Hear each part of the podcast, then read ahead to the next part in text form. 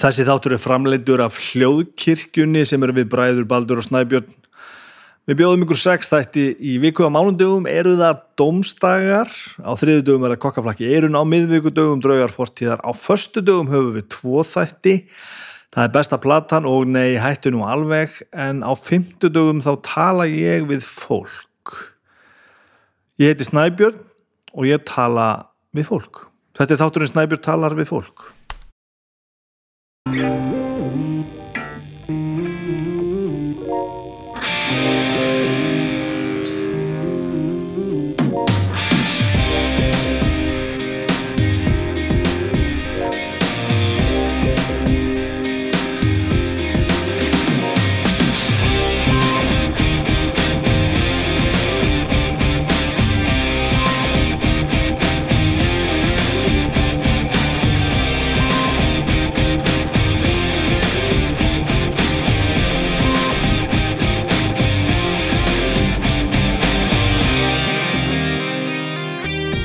þið sæl, velkomin í þáttinn minn.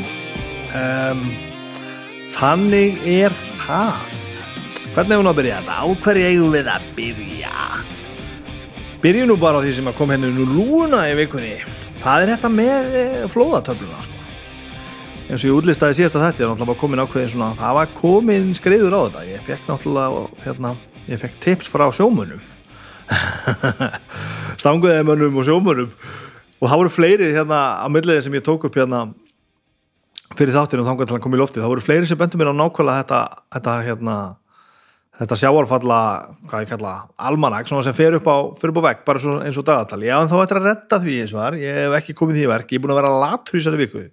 Ja, nei, það er þetta ekki rétt, ég er búin að vera alveg sæmilegur, en, en hérna en, en ég er búin að latur að gera svona hlut einhverja En stóru fréttinnar eins og það ég fekk post, ég fekk hérna umslagi af fjóri starð innum, uh, innum lúuna. Hér er þetta handmert,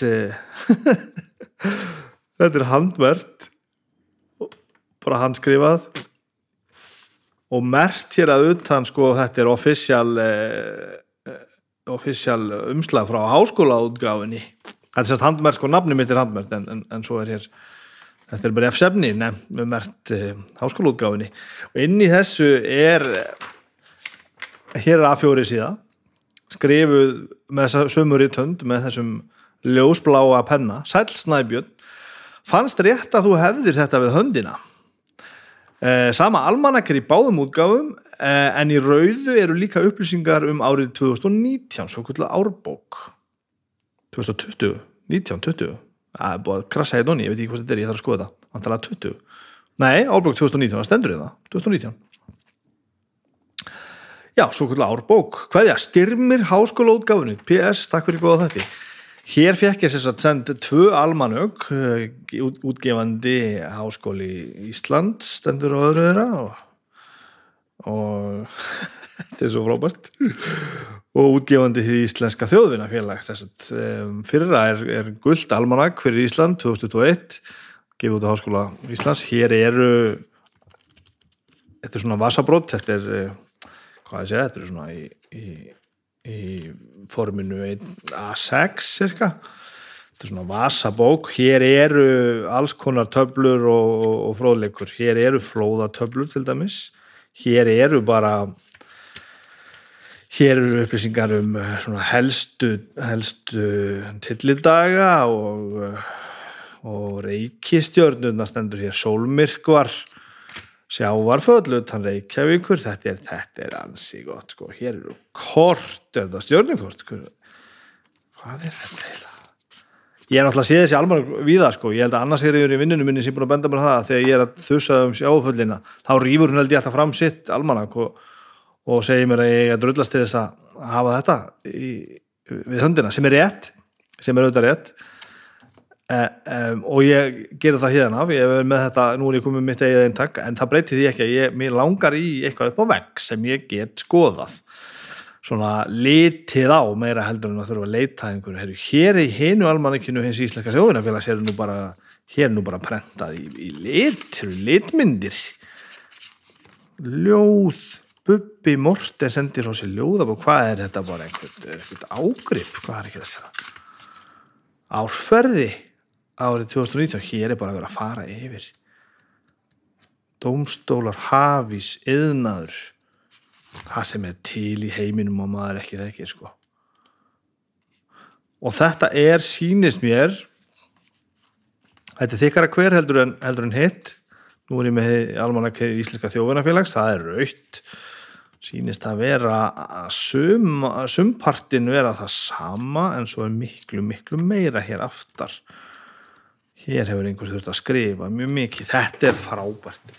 Þetta sendan styrmir mér frá háskólaútgáðinu og, og, og, og setti broskall fyrir aftan. Þetta er þetta glæði mig alveg gríðarlega.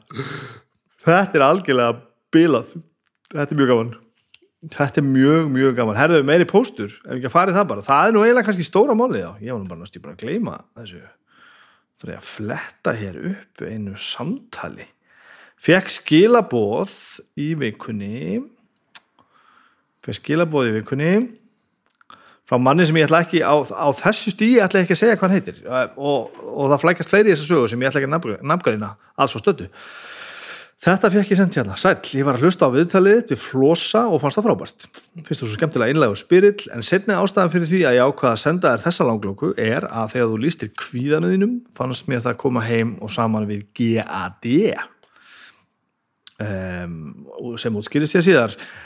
Uh, ef ég kannski að skipta mér af einhvern sem kemur mér ekki við á byggði einlega afsökunar en lýsing þín á óvissu og kvíða hitti mér í hjartastað, takk fyrir þáttinn. Svo sendur hann mig hérna hlekk á GAD sem stendur fyrir Generalized Anxiety Disorder sem ég held eftir að hafa skoðað eitthvað, þó ég sé ekki mjög alvar hennu að, að falli, falli undir almenna kvíðaröskun. Um, ég er bara ekki sérfræðingur þannig ég ætl ekki að fullera það. Og hér las ég eitthvað í gegn og e, já, ég tengdi við helviti margt. Fyrsta sem ég skrifaði um manninum hérna hann sagði nú hérna á hvað að senda mér þessa langlöku? Ég sagði hann gott ég var að kalla þetta langlöku þá er nýbúin að hlusta á mig og floss að tala saman í fjóra tíma. Og upp tók, tóks með okkur svolítið spjall og við hérna þekkjumst náttúrulega ekki neitt en, en hann er sem sagt eh, sálfræði mentaður og vinnur við alls konar hérna hluti tengda því. Og ég bara greipið á lofti, ég fannst þetta mjög áhugavert og reynilega spurði manni bara hvað, ok, ég er alveg til að skoða þetta betur ef að þetta hjálpa mér að vera til í lífinu hvað ég að gera? Og hann sendi mér bara kontakt á annan mann sem ég ætla að svo stöndu heldur ekki nafngreina, kannski mögulega ger ég það setna þetta fer hérna fer í góðan farveg og allir eru til í það. Og það enda semst þannig að nú er ég bara pantað tíma á sálfræðingi bara eftir, eftir eh, alls ekki svo langan tíma. Og nú ætla ég að fara og demba mér ofan í þetta, sjá hvort að þetta já, þessi kvíði sem ég þarf stundum á stundum og eiginlega bysna reglulega að, að díla við og, og eigst eftir því sem álægið eigst eh, hvort að ég næ einhvern veginn að, að horfa stjögu hann og takla hann eða breyta einhverju sem ég er að gera í lífinu og sjá hvort að hérna, eitthvað, eitthvað gerist. Í það minnst að vera þetta skemmtilegt. Ég, hérna, þetta er eins og svo margt annað, ég er búin að vera býð eftir rétta tækifærin einhvern veginn að, hérna, að stökka á það þegar það kemur. Að ég, ég hérna, á eitthvað pínu bátt með að fara að fara bara stað og, og panta einhvern random tíma hjá einhvern random fólki. Það er, sjálfsög er ekki daði og allir, allir getur gera það sem hendar þeim. En ég hérna allir hef ekki svolítið verið að kasta út netinu bara líka með, með í þessum þáttum og svona og, og, og svolítið að býða eftir í kannski að eitthvað kemur tilbaka. Og þetta var nákvæmlega það. Nú ætlum ég að fara og tala við þennan þennan mann. Þetta þennan sérfræði mentaða mann og sjá hvort það kemur í gótur þetta er mjög Já, kannski gerist meir í vikunni heldur en þetta er, þetta er hérna þetta er svolítið þema, ef maður sest svo niður og, og fer yfir vikunni og maður, maður finnst þess að hafi lítið sem ekkert gerst, þá, þá er það náttúrulega alltaf þannig. Það er alltaf þannig sko. Tengda mamma og, og, og maðurinn hennar þau komu hérna er, í heimsókn í vikunni og verða hérna í yfir tíma. Hann er allra handa snillingur. Hann, hann gerir hluti með höndunum og gerir það vel alla daga á meðan ég horfi á vandamálinn á þessum toga og veit ekkert hvernig ég á snúa mér og hér er alltaf eldavilin bara búin að vera bíluð í meirinn viku held ég.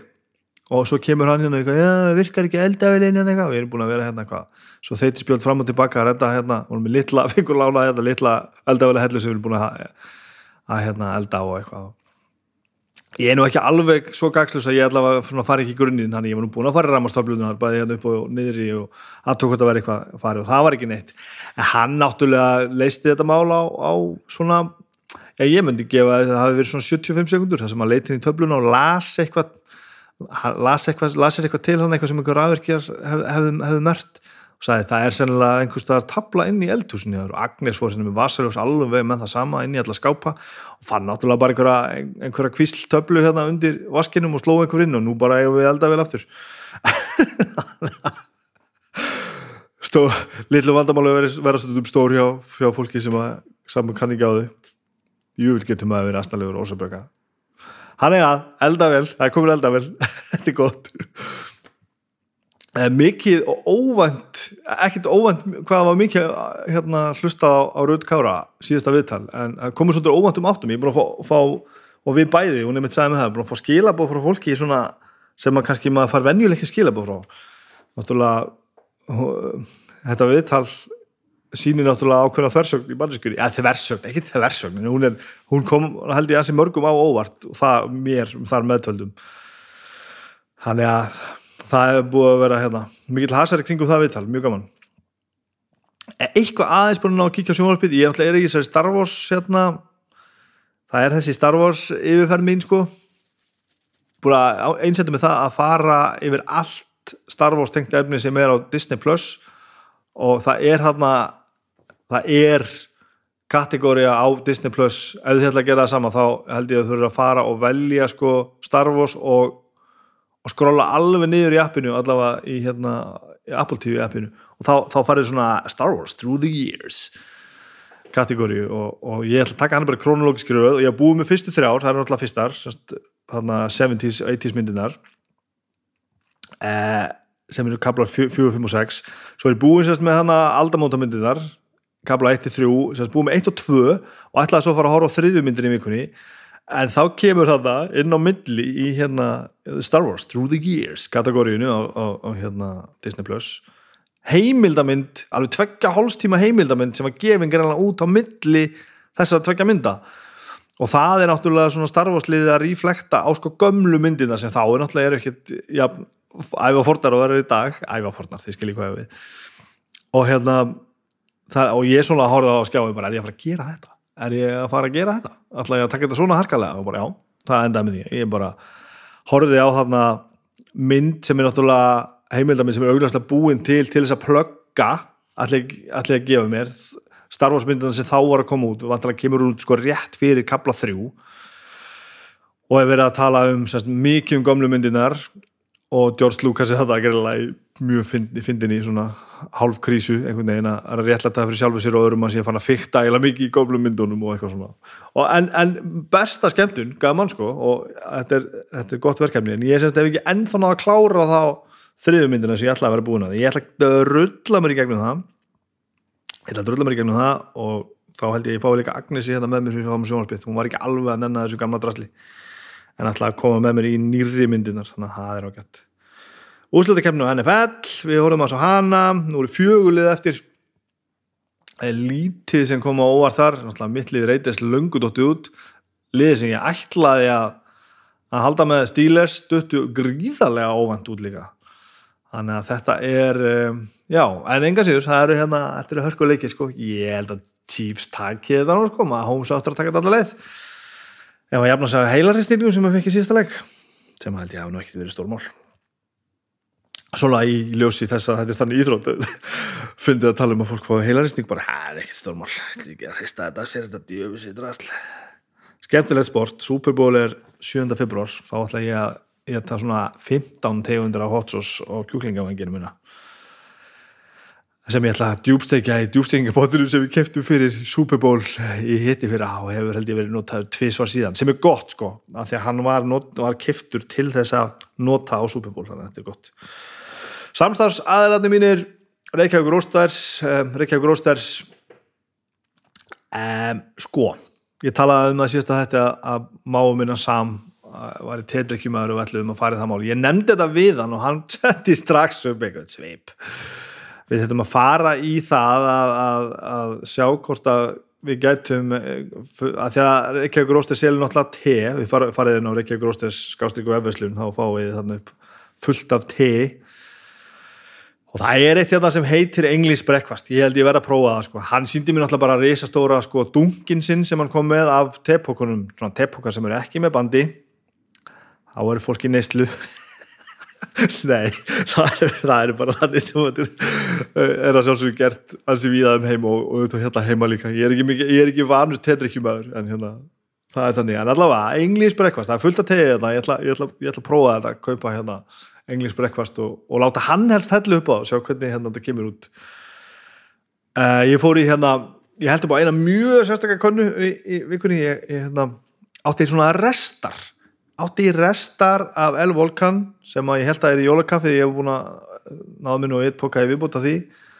Ég átti rest af, af hérna La Cascada sem er hérna sem ég búin að tala um hana ólega kaffi með kakánibunum og brómberjónum sem er, sem er, svolítið, sem er, er svakalætt á bræðið og ég blandaði þessu saman svo held ég að við fyllt, fyllt að, sko vandaði aðeins í trektina í mokka konunni þannig að ég fyllt upp með Donan NM og það var svo mikil springja sko og þá fattar maður svolítið svona þá, að ég er búin að drekka þetta svo mikið og hugsa svo mikið um þetta Svenni máum minn var hérna og að, uh, hann er nú með mér í þessari kaffi þessu, þessu, kaffi þessu, kaffi brjálaði búin að vera hérna og hann var nú mikill mikill uh, áhengandi Reykjavík Róstes áður en að þetta samstarf fór, fór á stað. Og það var svona eins og eins og eins og, eins og kaffinu var ekki blanda saman. Þetta, þetta voru eiginlega svona svo tvö bröð maður fann sko fyllingunum öðru og, og bræður hinnu en maður kann mjög greinilega fundi hvort á hvað. Og nú er maður svo mikið nörd sko að við vorum alveg við vorum hérna, við vorum staðinir upp á svo gaman hjá okkur.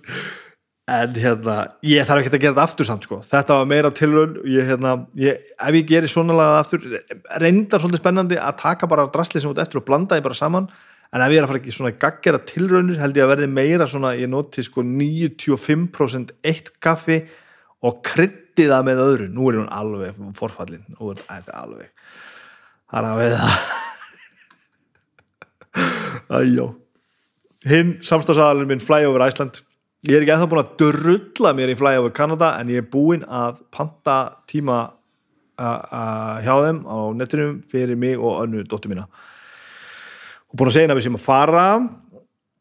Uh, ég þurfti nú ég er ekki betri fæðri svo ég þurfti nú að byrjaði að fara og ná í málband hérna svona til að slumpa á það hvað hann er há. Og hún er alltaf miklu meir en alltaf nóg há. Þú þetta voru 102 cm til að fara í flæg og ræsland og hún er alltaf bara 120 eða eitthvað. Ég vildi vera svona skulum segja að ég hafi vilja vera alveg viss áður en ég lofaði barnin eitthvað sem ég ætlaði svo ekki standa við. Það er nú bara þannig og ég ætla að fara í hérna, ég ætla að fara í tjó, með henni tvöfald, ég ætla að fara bæði í Flyover Iceland og Flyover Canada. Gaman að því ég er búin að fara í Flyover Iceland.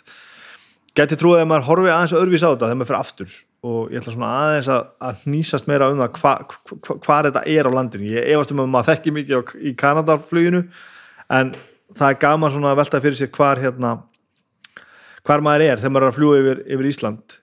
Um, en svo er eitt sem er í því að að margir af þessum stöðum eru bara staði sem að bara mjög fáir hefa séð og er eiginlega bara ekkert aðgengilegi nema bara með bara ef þú ert fuggl eða þú veist, sem sagt með þyrlu já, með þyrlu, tölum nú aðeins um það. Þegar við fórum í hérna Flæjúræsland ég og Flossi og Haukur og Baldur, voru ekki einhver fleiri með okkur? Allavega, þá tölum við um það sko, hérna, þetta þetta hefði nú líkt hægt fyrir nokkrum árum síðan þetta, það þarf að taka svona upp eh, þessi drónaskott hefur að steip, steipa svona í þessi staði. Nei, nei, þetta er ekki drónaskott þetta eru þyrluskott og þyrluflugmaður sem tókut upp, Jón Kjartan Björnsson hann er semst einhver þekktur áhættu svona kvíkmyndaflugmaður það eru flóið hérna fyrir hérna Game of Thrones og Star Trek Oblivion og Noah og Interstellar og eitthvað svona. Og hann sem sagt kom líka að því að velja tökustæðina og, og, og hérna og hitt og þetta. Og, og þetta er þetta er brjálað einhverja flóið þetta. Það er alveg, það er alveg helviti mikið magnað sko. Og, og líka einmitt í ljósið þess að maður fyrir að velta þessu fyrir sér að hérna, það er ekkert þetta er ekkert þetta er bara, þetta er bara staði sem enginn hefur séð. Eða þú veist, enginn fáir skulum við segja. Þannig að uh, þetta er hérna, já, ég hlaka til að gera þetta aftur og vita aðeins betur hvar ég er í, í, í, í það skiptið. Og svo laka ég greiðlega til að fara í hérna, taka, taka þetta, þetta tilbúið með hérna, það sem við förum í líka Æsland og Kanada í einu. Um, þið getur alltaf farin á vefslunni á Flyover Iceland og pantað ykkur flug og ef þið notið kóðan hljóðkirkjan þá fáið 20% afslátt sem er ekki ónýtt. Það gildir um, ekki með öðrum tilbúðum þannig að það ætla að koma með mér í í uh, tvöfaldflug þá er afsláttur regnað þar einn þegar og, og kóðin virkar ekki en allt venjunetflug ég ætlum að smæli með því að byrja á því að fara æ, ég mæli nú þetta með því að með, fara í þetta allt. En allavega, þið getur farið inn og af öllum venjulegum flugum er, er, er uh, afsláttarkóðin hljóðkirkjan 20% afsláttur. Og bara, ég er búin að segja oft þetta komir fáralega óvart, hvað þetta er gaman. Magnús Ver er viðmælandi minn hér.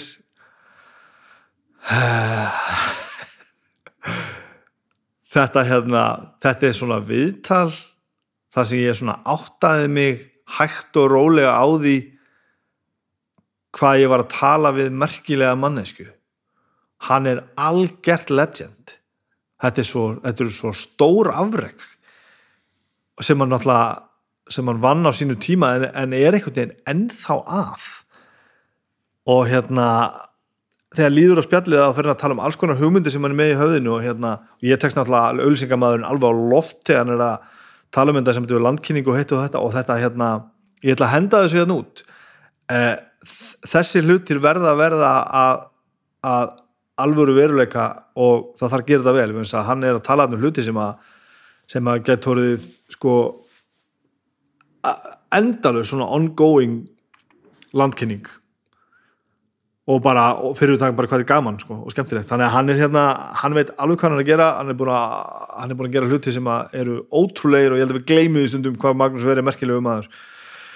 Förum aðeins hérna yfir bara, já, fórum við viðan völl bara á, hitt á þetta upprunn og aðeins á dýftina og hitt á þetta og bara hreikalega gaman að tala við hann og, og tíminn flög eins og hann gerir svo ógeðslega oft. Ég ætla að hætta þessu blari og þeir skulle hlusta á mig og Magnús Ver spjalla saman hérna veldsporið. Þetta var þetta var gaman.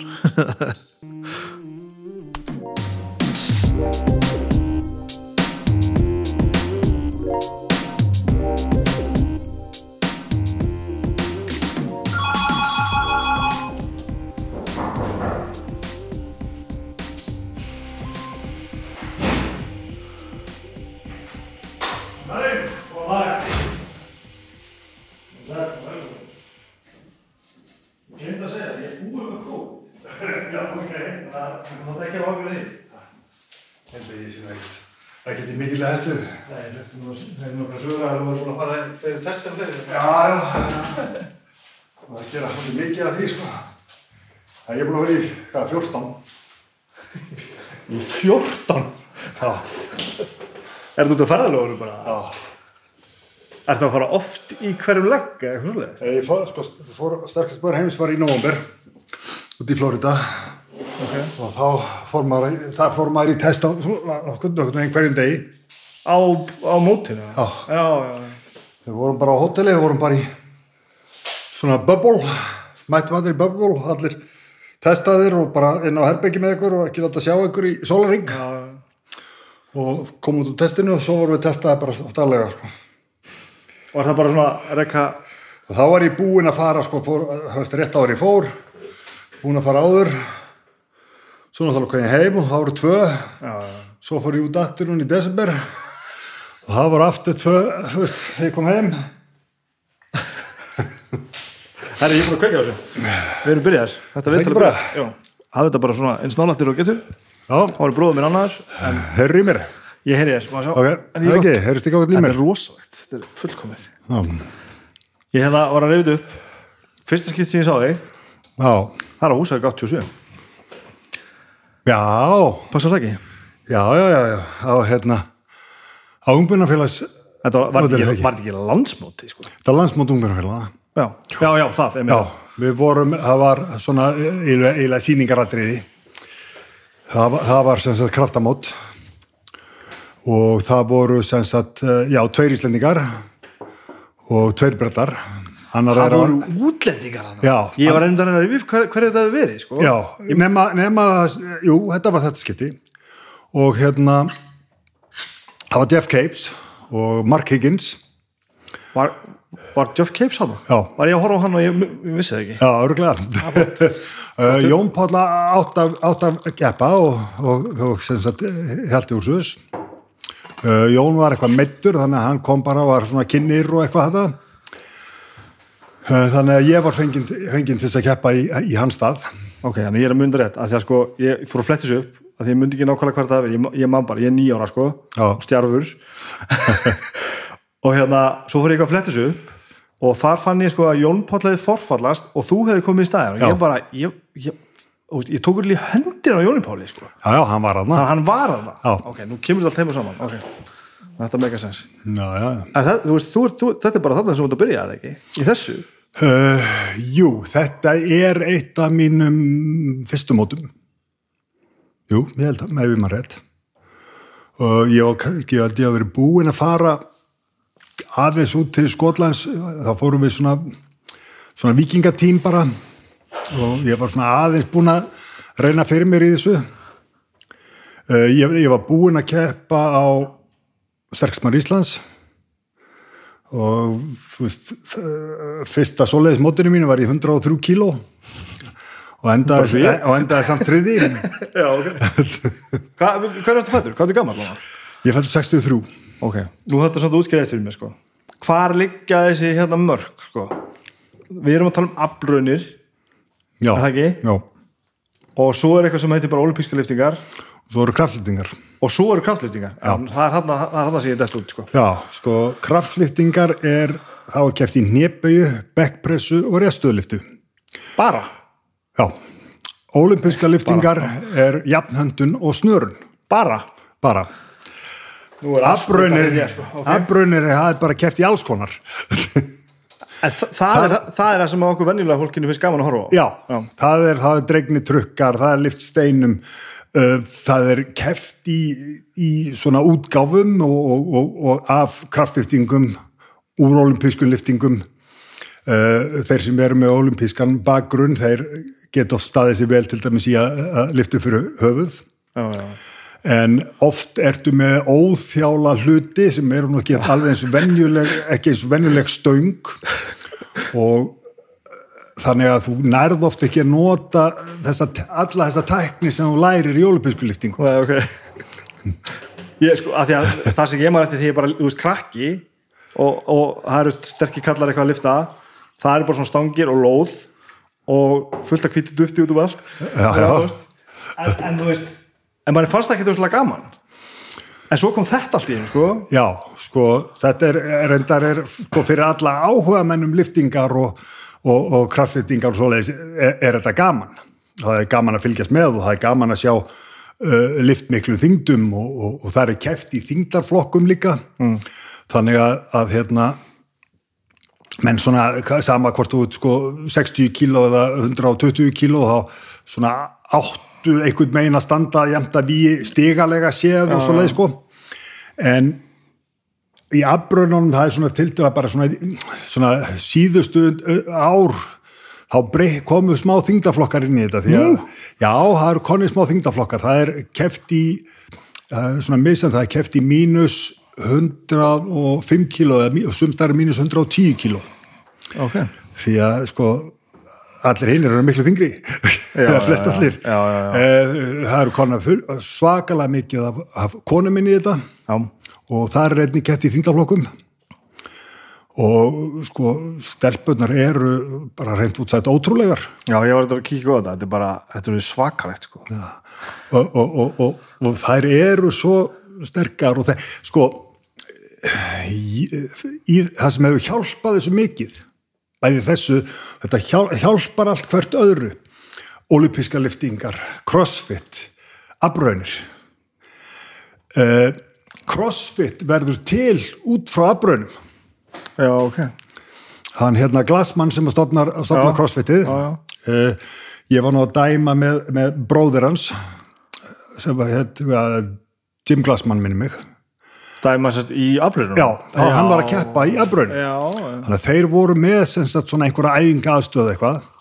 Og bróðir hans tóku upp á því að fara að þjálfa konur og svona í, aðstöðinni hjá þeim og, og, og, og þetta ók sjá höndunum á honum og hann fór að kalla þetta crossfit. Já, já, og svo var hann komið með þetta í, í mörg gym og hérna svo seldan stóra hluta til Reebok.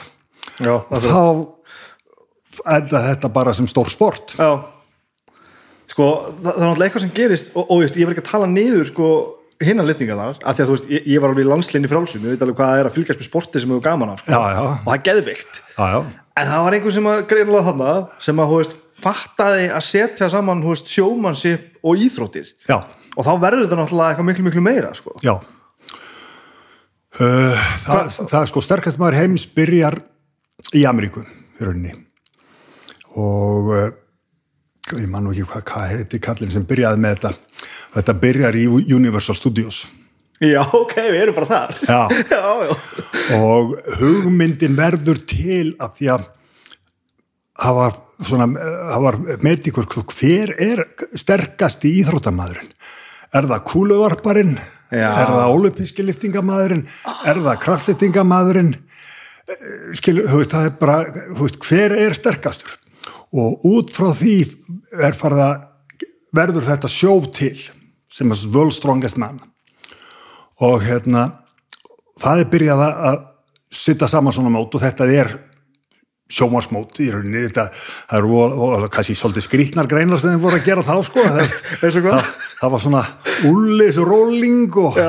og, Það, já, hann svona sko, Þannig að hafa verið að testa sem eitthvað svona, já, svona alls, styrkleik alls sem konar toga reypi veist, í, í talju veist, sem að fór upp í loftið og einhvern póki sem fór upp í loftið og það var svona ímislegt þeir hlupu með með ískáp á bakinu og þú veist svona, eh, og það reyndar urðu, að urðu meðisli og, og lögsókn sem að var til þess að sterkast maður heims rauninni þeir færðu það í systur fyrirtæki í Englandi. Út Þeir á lag- tóku- út af lagalegu Já. liðinni þeir tóku það í burtu frá Ameríku. En það er nú komið í svolítið síðan að fór aftur yfir í yfir í ameríska fyrir, hluta fyrirtækisins. Hver hefur þá verið að halda þetta allir sjár? það er, þetta er allt undir sem sagt, það er IMG Sem er bara engar ekki bara sem er að- svaka stort batteri og, og þetta var umbós batteri fyrir, líka fyrir sko Wayne Gretzky og, og alls konar Já, já. Þetta er- þetta er þeir, en þeir eru með events skilur þeir sjáum ég veit ekki sé, sé, voru allavega einhvern tíma með Wimbledon og, Já, og já, alls konar svona stór batteri og sko sterkasti maður heims er í rauninni bara lítið batteri Já, ok. í öllu því sem þeir eru að gera og hérna oft hefur það svona fyllt með í dilnum, þeir fara þarna einhver staðar og er, eru með ég veit ekki hvað golfmót eða hvað það er skilu þá fylgir í dilnum, ok, svo komum við verðum hérna með sterkast maður heims líka. En, en sko afbraunir og, og, og þetta mót sterkast maður heims hefur þetta hefur náttúrulega þetta hefur vaksið gríðarlega. Það eru gríðarlega margir sem að stunda þetta það eru gríðalega margir sem keppa í þessu. Já. það eru til það, sem við, það eru svo kallu áhuga mannamót, amatöramót í, út um allt í Ameríku. Já, já, ok, og uh, til dæmis og það, hérna, það hafa kannski hafa verið allt upp í hundra keppundur í einu móti. Já, vá. Og í misjöndum þingdaflokkum og þannig að sko þetta hefur breyst þetta, þetta, þetta voru miklu færri í rauninni sem voru í þessu. Og svona þú, þú og þetta var, þetta var meira unik Já, þú veist, fólki, þú veist, þetta þú sást ekkert of mikið af fólki verið að draga trukka og, og, nei, já, og, já, nákvæmlega. svoleiðis. Ég meina, Þetta var náttúrulega rosalegt. Já, sem að, sem að í rauninni er mun algengara í dag Já. og, og, og, og svo náttúrulega með sko social media og netinu og öllu, þá, þá er þetta orðið svo að, að, aðgengilegt Já, já og, og bara æfingakerfi og, og hitt og þetta. Hva, eh, veist, eru öll þessi móti svo tala um þessi áhuga móti og þetta innan einhvers ramma, veist, ver, eru einhverja greina sem eru samþyktar að Já, það eru, það má við reyna að rauninni segja, þetta er ekki dósipa í bóksinu, það eru alveg nokkur heimsambönd. Já, já, já, en það er heimsamband eh, sem er, heitir Giants Life serían, það, ég, ég vinn mikið með þeim. Uh, og, og þeir halda að það sem þeir kalla kvalifærarna fyrir sterksmar heims. Þeir velja keppundurinn á sterksmar heims. Þeir eru, eru uh, í því að sitja upp greinarnar og, og, og alls konar og reynda með minni aðstóð eitt svona reynslu hund með sér. Já, já, En mér að Og- greina það, þú veist, e- þegar ég, þú veist, ég, við ekki það, ég hef ekki fylgst neitt rosalega mikið með síðust ár, ég, mér fannst þetta frábært, sko, framan af, bara frá 87 því ég sá því það, og þú veist, örgulega, ég veit ekki, 15 árið eitthvað, já, basically bara á meðan þú veist að keppa, veist, ekki, ég, ég er ekki að fanboya hérna til fjandans, en þetta var cirka svona líftíðun sem þetta hafði fyrir mig, já, að maður var að sjá allan anskotar með, þú veist, hún er sundlum ykkur á tunnu og svo varst alltaf fann að velta vörubíl og svo vissum maður ekkert hvað gerist næst. já, já, og við hann vorum hann í, í nokkur ár skilu þú veist, Jón Páll og, og, og svo ég og við vorum nokkur dominerandi í þessu það er kannski Og þess hérna- sem var gaman að horfa. Já, þetta, sko, þetta, þetta var sko, ég er eini sigurvegari á, á sterkastum var heims. Ég var sem sagt varamaður, ég var á varamannabeknum runni Já, og hérna ég fæ ringingu uh, fimm vikum fyrir sterkastum heims. Og var mér tilkynnt að Jón Páll hafi meðst þetta er hann að fyrst þegar þú keppa fyrsta, fyrsta móti sem ég fer á. Okay. Og Jón Páll, Páll hafi meðst það rifið upphandlegg og þeir vilja ég keppi í staðin fyrir hann þetta eru alltaf stór spór að, að, að, að fara í en eins og segi, ég var sérst varamærin ég var ekki á listanum sem keppandi og ég fer hann og segra þetta með nokkrum yfirburðum í fyrst geti sem ég mæti Manstu fyrsta mót sem þú á? Já. Var það svoleiðis? já Af hverju? Ég reyndar var í, í mjög góðu formi og ég var búin að vera að keppa við, við þá bestu fyrir um sömarið og, og hérna og vinna þá. Uh, og að hérna ég var nú nokkuð örugur með mig sko en en, en, en hérna ég er samt sagt þér að við, þetta var svolítið merkjald við og okkur var öllum sama öllum, flóið til London. Ok þar hittust við og fórum allir saman í flugvél sko til Tenerife. Þetta móti var. Já, og þegar ég er á flugvellum í London þá kemur þarna hollendingur hollendingurinn að keppa hérna, Ted Van Den Para og 2 og 13 á hæð. Uh, Manfred Höbel hérna austuríkismæður með handleggina. Með handleggina og klútur á vestum já, já, er að mæta í fyrsta skipti. Já, já. Og, og, svo- og Ódi Wilson Var fjallið, já, heitin Hann og, dáður og, ég er á flugum og stend með þessum tröllum öllum. Mér líður eins og bara krækibær í helvíti. Og hérna ég sem bara, þú veistu hvað, bara hvað þú komin út í? En hafði hitt eitthvað þessu lið áður? já, ég hafði hitt uh, flesta þeirra áður uh, nema Manfred. Ok. Og ég hafði keftið á alla áður og, og ég hafði sigrað á alla áður. Ok. Þannig að ég þóttist vita ef, ég- ef ég gerði nú hlutina allt, allt rétt að ég gæti það nú aftur. En, en sko í þessum heimi sterkasti maður heims er titillin sem allir vilja vinna Já, sem öllum langar í.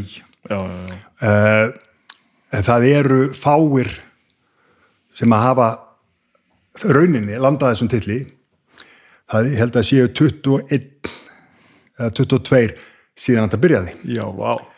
Þeir, það er semst eitt sem er unni fjóru sinum nei, fimm sinum við erum þrýr nei, fjórir sem hefur vunnið fjóru sinum Já, ok. Uh, það er eitt held ég sem er unnið þriðsvar svo er sem svo eru svona, þú veist, eitt, sigur, eitt sigur, eitt sigur. Þetta er svolítið merkilegt. Já,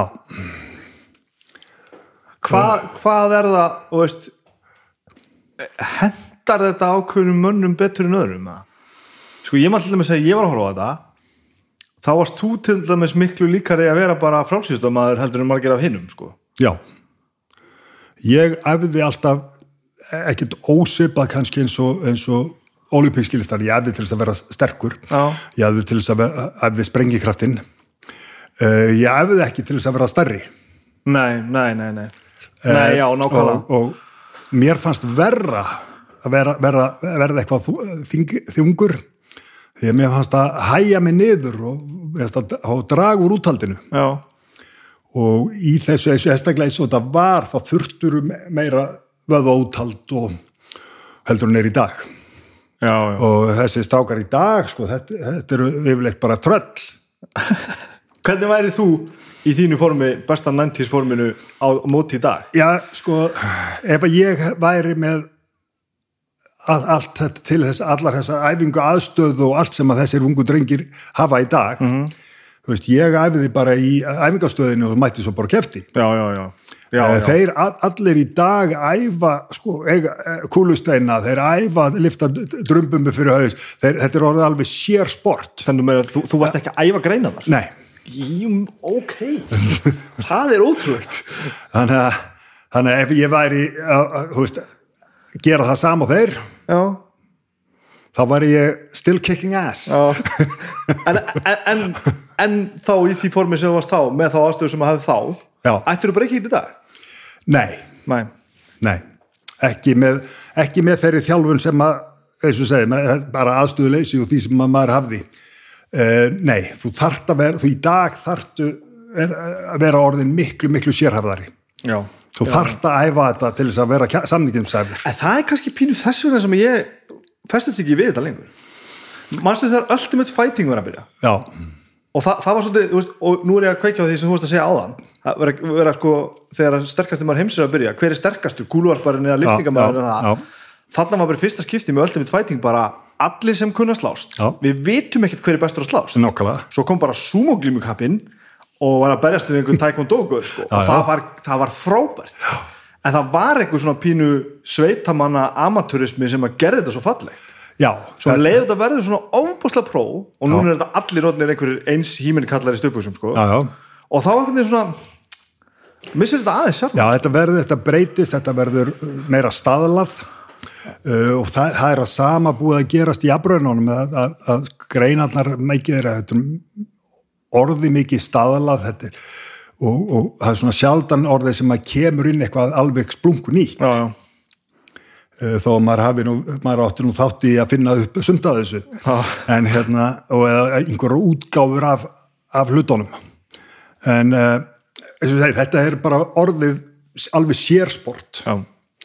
og þessir, þessir toppmenn í dag eru, eru að þjena gríðarlega já, já, svo er það, það, það, líka það, það er, veist við höfum það nú ekki alveg svona gott hérna á sín tíma sko. nei, nei, nákvæmlega en ná, náður að vinna við þetta varst Já, ég var, í fjöldamörg ár var ég atvinnmaður í þessu. og bara atvinnum maður í afraunum Já. og hvað fylgdi því það? Menni, Það er sem sagt, ég, ég vann fyrir mér með því að vera með eitthvað sponsora. já, Uh, ég vann fyrir mér með því að mæta í auðlýsingum uh, og mæta á mót, það verðlunafjö. já, já, Uh, sérstaklega þegar maður var, var komin með sko þennan titil, þá gæti maður nota þann sko, þú veist, ef þú vilt fá, fá mig á móti hjá þér, þá kosta ég þetta. já, já, já. uh, verðmiðin á mönnum og, og, og, og allt í dag er, þessum potta upp mönnu er miklu meiri, Já, miklu herra en þú veist, svona, svo sem gengið hefur líka breyst þar í dag og, og, og, og þú veist, þegar ég vinn sko, fyrst sterkast maður heims var velur að fyrir 6.000 pund. Sem að er heldur ekkert rosalega mikið á núverið er- ekki stórkostlega sko. en sko, það hefur náttúrulega dra, dreigið úr virði skilur þau bara, þú veist 6.000 pund er ekki jafnmikils virði eins og þau voru þá Nei, nei. í dag. Uh, þetta var fínasti peningur þá sko. já, já, nákvæmlega. En og svo, svo dag, hækka, þetta nú reyndar eitthvað og, og hérna en, en menn eru jafnvel að menn eru jafnvel að fá í vellaun sko 7 miljónir 10 miljónir fyrir eitt mót. 10 miljónir fyrir eitt mót, já, já, ok, það er ok. Fyrir að segja eitt svona mót uh, en ég meina, er það ekki líka alltaf lægið þú ert bara fokking bestur, meina það er, er bara þannig. Og fólki er að það er, það er að jákaða við þetta er að, er að þetta sport hefur fengið sko meiri virðingu og leið og það gerist og, og þetta verður svona meira merkilegt að, að hérna, þá koma meiri peningar inn í þetta. Þetta er eins og sko, er- það er gríðarlega peningar í, í golfi það er náttúrulega að því að flest allir businesskallar spila bara golf skilur þannig að þeir vilja sponsera sko golfmótin en það er erfiðar að fá að sko til að sponsera afbrunamót því að engið þeirra getur neitt í afbrunum nei, nei, teng, tengja bara minna við það? Já. já. en margir þeirra kannski æfa sko, í crossfit stöðum og svoleiðis þannig að þeir sponsera það crossfit, verðlaun í crossfit eru mun harri heldur en sterksumar heims Já, ok. Af, af því að venjulega fólki getur ekki þátt. Eh, nákvæmlega. Svo er líka eitt sem er orðið pínuð leðilegt, sko. Þegar að ég, veist, ég er, ég er að vera 43, að þegar ég var krakki að æfa, æfa frjálsa til dæmis, þú þekkti kannski eina manneski sem hafði hlaupið heilt marathón og það var bara risastór árangur, sko. já, já, Núna þekkir maður svona 500 manns sem hafa farið í áttfaldan njátkall eða eitthvað svona brálað, sko. já, þetta, að þú, þetta er orðið svona, sko, staðallin bara orðin einhver annar. já. Og það, þetta bara, þetta er þróun í sporti þetta er þróun í, í, í flest öllu, ég menna í bara mótorsporti líka skilur þú veist. Þú, það, það, þú ferð bílarnir verða kraftmeiri. Bara bílarnir sem þú kaupir í dag eru mun kraftmeiri heldur en við vorum að kaupa okkur sko í kringu tvítugt Já, nákvæmlega, nákvæmlega. þannig að þú veist, það, þetta er bara þróunin, það verður allt betra. Um, næringin Já, já. er orðið miklu meira pælt í næringunni og, og, og, og þú ert orðinu miklu betri þú veist maður var bara alveg upp á, á, á skýr og slátri þetta, er, þetta hefur breyst svo mikið reyndar, þú veist, borða ég hafragröð á hverjum mótni Mhm. en hérna, ég, líka, ég var bara alveg upp við þetta í sveitinni og, hérna, þegar ég var í sveit sko, þá var alltaf byrjað á hafragröð nei, það var byrjað á hérna, veist, pörtum eða kleinum og mjólkurglasi áður maður fór að mjólka Já, svo kom maður inn og þá var hafragröður svo kom maður inn aftur um hátdegi og það var hátdegismatur svo var miðdegiskaffi Já. svo var kvöldmatur, svo var alltaf kvöldkaffi líka sko, Já, já. eftir að þú varst búin að mjólka þetta þætti sérlega ekki í dag sko. Þetta er ekki alveg sko.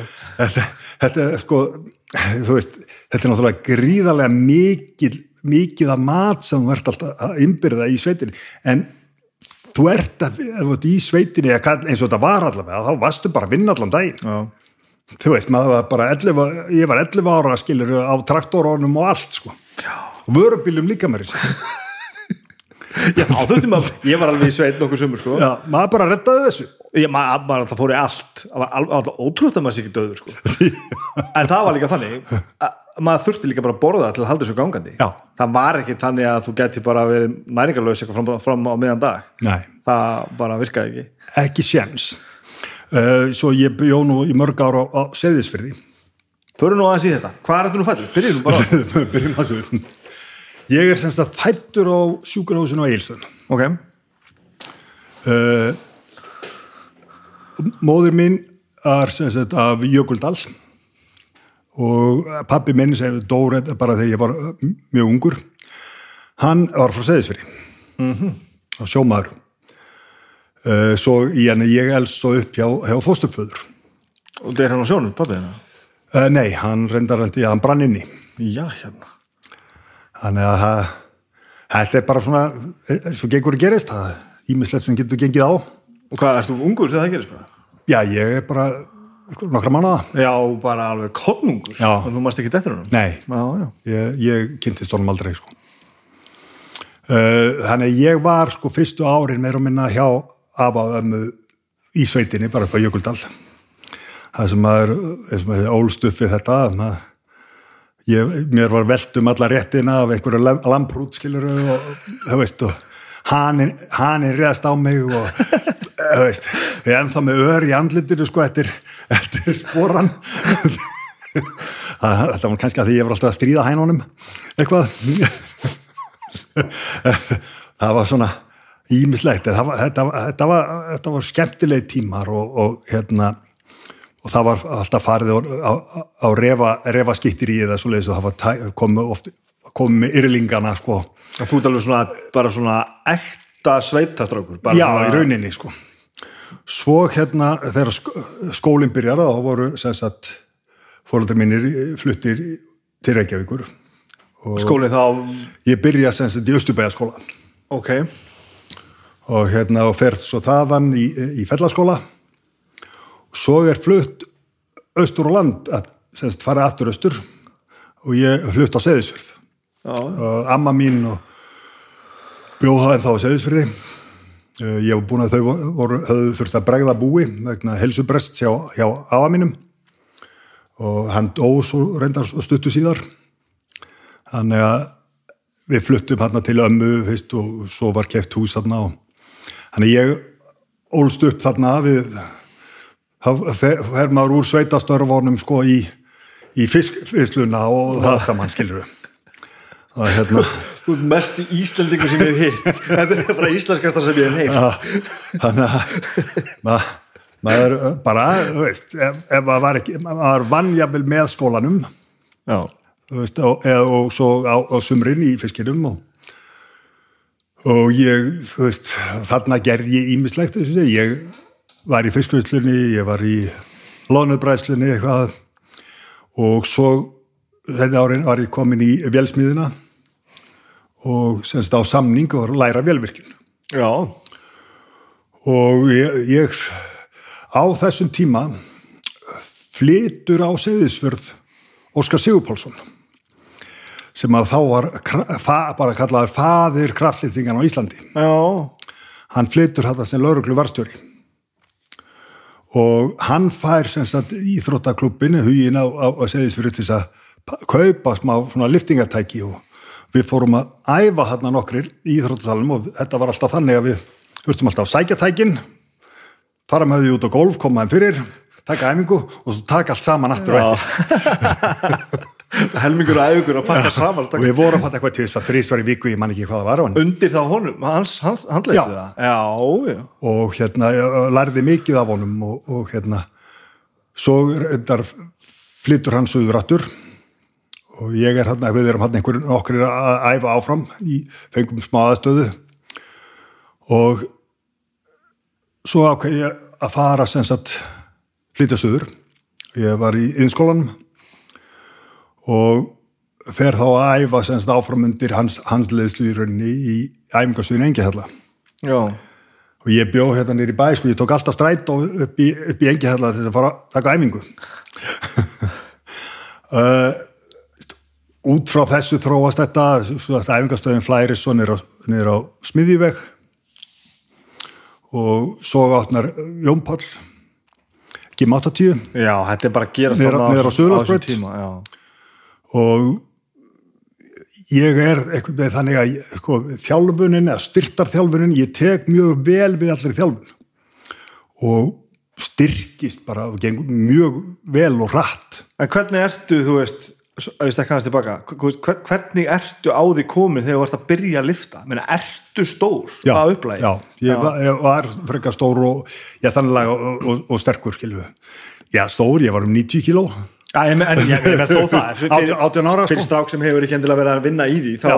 og þá er það nú að þannig að þú hefur verið svona já, já, já, sjá hreyfingunni sér að gera, ég veit ekki hvað hann á að virka en, en, það er, það- þú veist þarna svona mótast maður og, og, og, og gegnum þetta sem segja, er í mér förum við að dettin á fyrsta sterkasti maður Íslands og, og, og þetta og þetta er svolítið að segja við, og takir vel við þjálfun já, er, er, þetta, er þekkt fyrirbreyði? það, þetta er, það er mjög einstaklisbundið, það er mjög misjant hversu vel þú tekur við þjálfunni. Tveir einstaklingar geta byrjað og eftir alveg nákvæmlega eins -hmm. en annar verður mun sterkari heldur en hinn. Já, Uh, ég held, ég tel þetta sé ákveði genatíst mm -hmm. uh, sumir ég sé með stráka, stráka líka skölur sem að fara að efa og sumir stækka og blás út en verða ekkert rosalega sterkir nei, nei, verða bara stórir Já, og þe- þetta er svona þetta er svo, svolítið misjamt og það er ekkert örugt þegar þú byrjar í svona að þú getur orðið bestur í heimi sko. Nei, alveg sama hvað þú leggur leggur á þig. og hvað þú gerir þetta Já. rétt Já. en þú, alveg, ef þú leggur alltaf þú gerir það sem að þarf og innur allar þína heimavinnu þá getur þú orðið eins góður eins og þú getur orðið já, já, en það eru fáir sem getur orðið bestir já en það kannski ánum við um allt sko. já, en þetta er svolítið sýnisamt þetta sýnir sér nú samt svolítið skýrt í þessu sko. en á segðisfyrir, þegar ég var á segðisfyrir þá var verið að sína í sjóarpinu kraftlítikamót og það er akkurat þegar Jón Páll gargar þessa frægu setningu sko, ekkert mál fyrir Jón Páll já, og við situm alltaf, þetta var reyndar í félagsemilinu og horfa á þetta og situm alltaf nokkri félagarnir og eitthvað og ég segi, hann var í byrjaðar að að það lifta á svona, ég segi sko, já, einhvern tímann og ég eftir að bæta þetta. Þannig að mindsetið hefur bara komið strax. Já, og hérna félagum mín þótti þetta vola að fyndið en þeir, ló, þeir lóðu nú ekkert nokkur árum setna og, og, og þú veist, var áhugin svona óbástlegur að fannstu bara allt svona vel við ég bara, ég, veist, ég var bara að prófa ímislegt ég var, prófa, var í, í kúlu, ég var, var, í, var í fótbolta ég var í, í kringlunni og veist, ég var, var svona að prófa hitt og þetta. Og hérna og svolítið merkild að ég a- fór að lifta, ég var að fykta eitthvað var að æfa með þeim hætti fótboltar með eitthvað og, og hérna já, svo að lifti ég heila metur gr- grimmur í nebbegjum allt. Koma, mætti aftur í fótboltan næsta sumar. Og þá stakk ég allavega í sprettunum. Já, auðvitað. En, en fótbolti var bara, þetta var ekki fyrir, fyrir mig. Ég fann mig miklu meira í, í hinnu og þetta er bara sem ég fekk áhuga á og, og hérna og þetta verður, að, verður að ákveðnum lífstíl já, þetta hlýtur náttúrulega að þurfa að vera það. Já, þú, þú, þetta, þetta, er, þetta er þú veist, þú verður bara þú skipulegur tímaðinn sko, veist, það er vinna þarna, ok, svo er ég að fara æfingu Já. til þetta. Helu, þú, þú skipulegur þetta alveg uh, og, og þú þarft að vera sérstaklega þú ert að vinna alveg fulla vinnudag og allt þetta skilur, þú þarft að vera nokkuð dedicated sko til þess að halda þetta út í og, og á það er náttúrulega við um flest allt sport. Já, og í rauninni bara flest allt sem þú ætlar að álfur árangri í sko. Já. það sýnir alltaf sko. þú þarft að leggja gríðarlega á þig. Og hérna og þetta er gríðarlega vinna og, og í þessu verða oft smá svona bakslög skilur, það er smá meðsli það er, þú veist þú, þú ert kannski að komast í besta formið, þú fær flensu. Þú veist, er, er, þú veist það, það eru marg utan að komandi áhrif alltaf sem að trubla þú veist, maður, þú veist, bara hefur lendið í þessu öllu, skil, ég, ég tók upp á því, ég var, þá var ég með uh, konu sem var uh, fóstra og var á dagheimilum, þannig að koma allar flensur heim þannig að ég tók upp á því létt bólusetja mig alltaf við flensun já, já. því að ég, ég, bara þetta var ekki hægt að vera að fá þetta stanslöst bara þess að trubla ekki æfinga Já, þetta, þetta, þetta trublaði bara, veist, maður náttúrulega mist um vinnu en þetta trublaði það að maður mist úr æfingum og þegar þú ert sko að kafi í sporti og, og, og ætlar þér eitthvað þá er að versta sem getur lent fyrir, fyrir þig, það er að missa úr æfingar já, ég man þetta ég, ég drullaði mér alveg sko, var alveg komin í núningarnarsli í frálsum sko. Já, og það var einmitt þetta, svo tóknaðar á fokking ökla já, já, og það, þú, veist og þeir á að kvílaði þrjálfvíkur og þú veist komin á lappir til tíu daga sem var ósnefnd er nú búin að skemma fyrir þess strax sko. og þá er mitt, þú að djöblast kann- kannski hálft ár stefnandi á eitthvað mótið eitthvað og svo svona bara ah! en þá kemur einmitt fokking mindseti sko. bara annarkvort ætlar að vera í þessu eða ekki sko. það, er, sko, það er þetta sko, þú veist, það, það, það, það blæs alltaf á móti. Það, kemur, það blæs alltaf einhver staðar og einhver tíman á móti. En, og þú, þetta er eins og að fara á hestbaki skilur þú dettur einhver tíman á baki. Já. en þú veist það sem skilur á milli eru þeir sem að stökkva strax á bak aftur og halda áfram. er það ekki nefnilega nákvæmlega það? Er þetta ekki alltaf það sko? Og, og hérna það, þú veist þetta er eins og að meiðast skilur þú veist, ég hef séð það líka menn hafa, hafa meðist og þá allt í hennum bara eftir það konaði niður og þeir kom ekki tilbaka. Almennilega. Uh, þú veist þú, það, það kemur eitthvað fyrir og þú hættir allt í hennu að leggja 110% á þig. Já. þú hættir allt í hennu að íta þér að, þetta ekstra sem að þarf. Og, og hérna, þá ferður náttúrulega bara að tapa. Já, þegar þetta er alveg á þessu leveli já, í, að því byrjun þegar þú ert að, ert að fá svona ofbústan áhuga hvað er þetta sem, sem er, hvað er dræfið? Bara að, lifta aðeins meir enn í gær bara já. verða sterkari enn í gær. Er það stóra dræfið? það er í rauninni það að, að hérna að þú sittur er alltaf markmið, ég þurfti alltaf að setja mér markmið, ég þurfti að annarkvort að- að- eitthvað mót eða eitthvað met. Já. og þetta er bara gulrótin sem maður er elda og svo þú ert búin að ná þeirri gulrót þá þarf það að finna það nýja gulrót. Og, og, og hérna þe- þetta var allt að dræfi mitt en þegar að maður í rauninni hættir þessu, hættir að keppa og, og hefur þetta ekki lengur -hmm. þá þarf þetta að breyta sko mindsetinu, þá allt í einu ertu bara, ertu bara að fara að æfa til þess að æfa. Já. og það reynist mörgum rosalega erfitt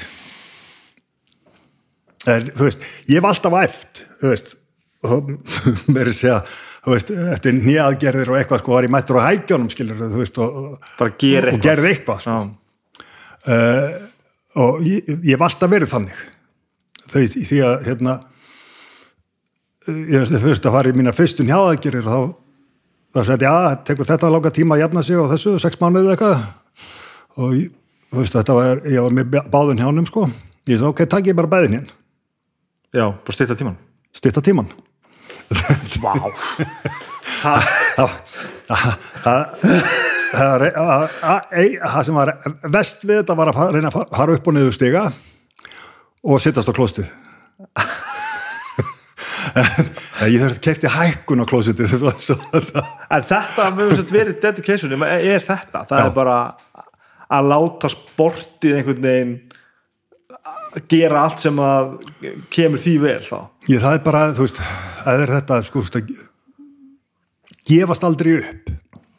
Því að það, þú, þú verður alltaf sko, þú slegið niður nokkru sinnum, þetta er, þú veist það er alltaf, þetta er ef þú hefur hort á, hvað var það? Rocky 5 mm. þegar hann er að tala við son sinn. Já, og þú veist, þú veist það talar um sko life is hard og you get knocked down. You, stand, you get up and keep moving forward. Og ef maður hlustar á þetta þá er þetta svo mikið sannleikur. Mm. og þetta er nákvæmlega þetta þetta, var eins og að væri verið að lýsa mér sko þegar ég hlustaði á þetta. En það er svona, rosalega margir sem eru nákvæmlega eins með þetta. Já, já, já. Þetta er, já, það er þó rosalega að sjá það að vera að keppa á þessu leveli hvað það er sem skilur á milli sko.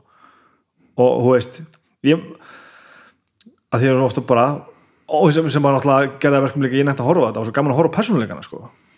menn eru svona, þú veist, og, mis, og sérstaklega þetta er náttúrulega svo mikið sjómasport það er verið að taka viðtölu við menn og svona, maður svona lesa hans í þetta, sko, sem er Já. náttúrulega gerðanlega kolbrjálaði, sko. En svo náttúrulega, veist, og náttúrulega bara orðin eitthvað svona orðatildæki að tala um kasmaðir á Íslandi, því að, veist svona, hann, hann kom manni fyrir sjónir eins og einhver brjálaði sko, svo er svona einhverju menn sem er, þú veist, ég ætla að þekki mannin ekki neitt, þú veist. Já, hann, hann, hann gæti verið, hann gat verið svolítið erfiður og svo eru þú veist, menn sem eru svona einhvern veginn hlétræðari og farið einhvern veginn öðru, öðruvísi og eitthvað. Og þú veist, svo er maður að lesa sérstaklega eins og í þig sko. og, og svolítið þetta að segja það saman með Jón Pál. Það er svona eins og eins og þér hafa alltaf verið pínu sama. Það var svona eins og þú að hafa nógu mikið kæruleysi þegar þú ert að fara inn í hverja grein fyrir sig. Nú er ég náttúrulega bara reyða út einhverju sem að ég er búin að vera að hugsa með sjálfum mér og kannski er ég út á túnni. Já, að þú veist það er pínu svona og sveitamanna hérna, komið með það. Ég skal beigja hann já, já. í stað fyrir bara, já, já nú þarf að standa sig. Og svo bara einhvern veginn kóna menn undir álæðinu og, og, og, og fara að stressa sjálfa sig upp sko. á meðan að þú veist einhvern veginn alltaf glottandi vaðandi næsta og bara, komdu með þetta, ég skal gera þetta. Já, já, það, þetta er sko uh, ég kef, keft á móti fjölda, fjölda, fjölda, fjölda manns.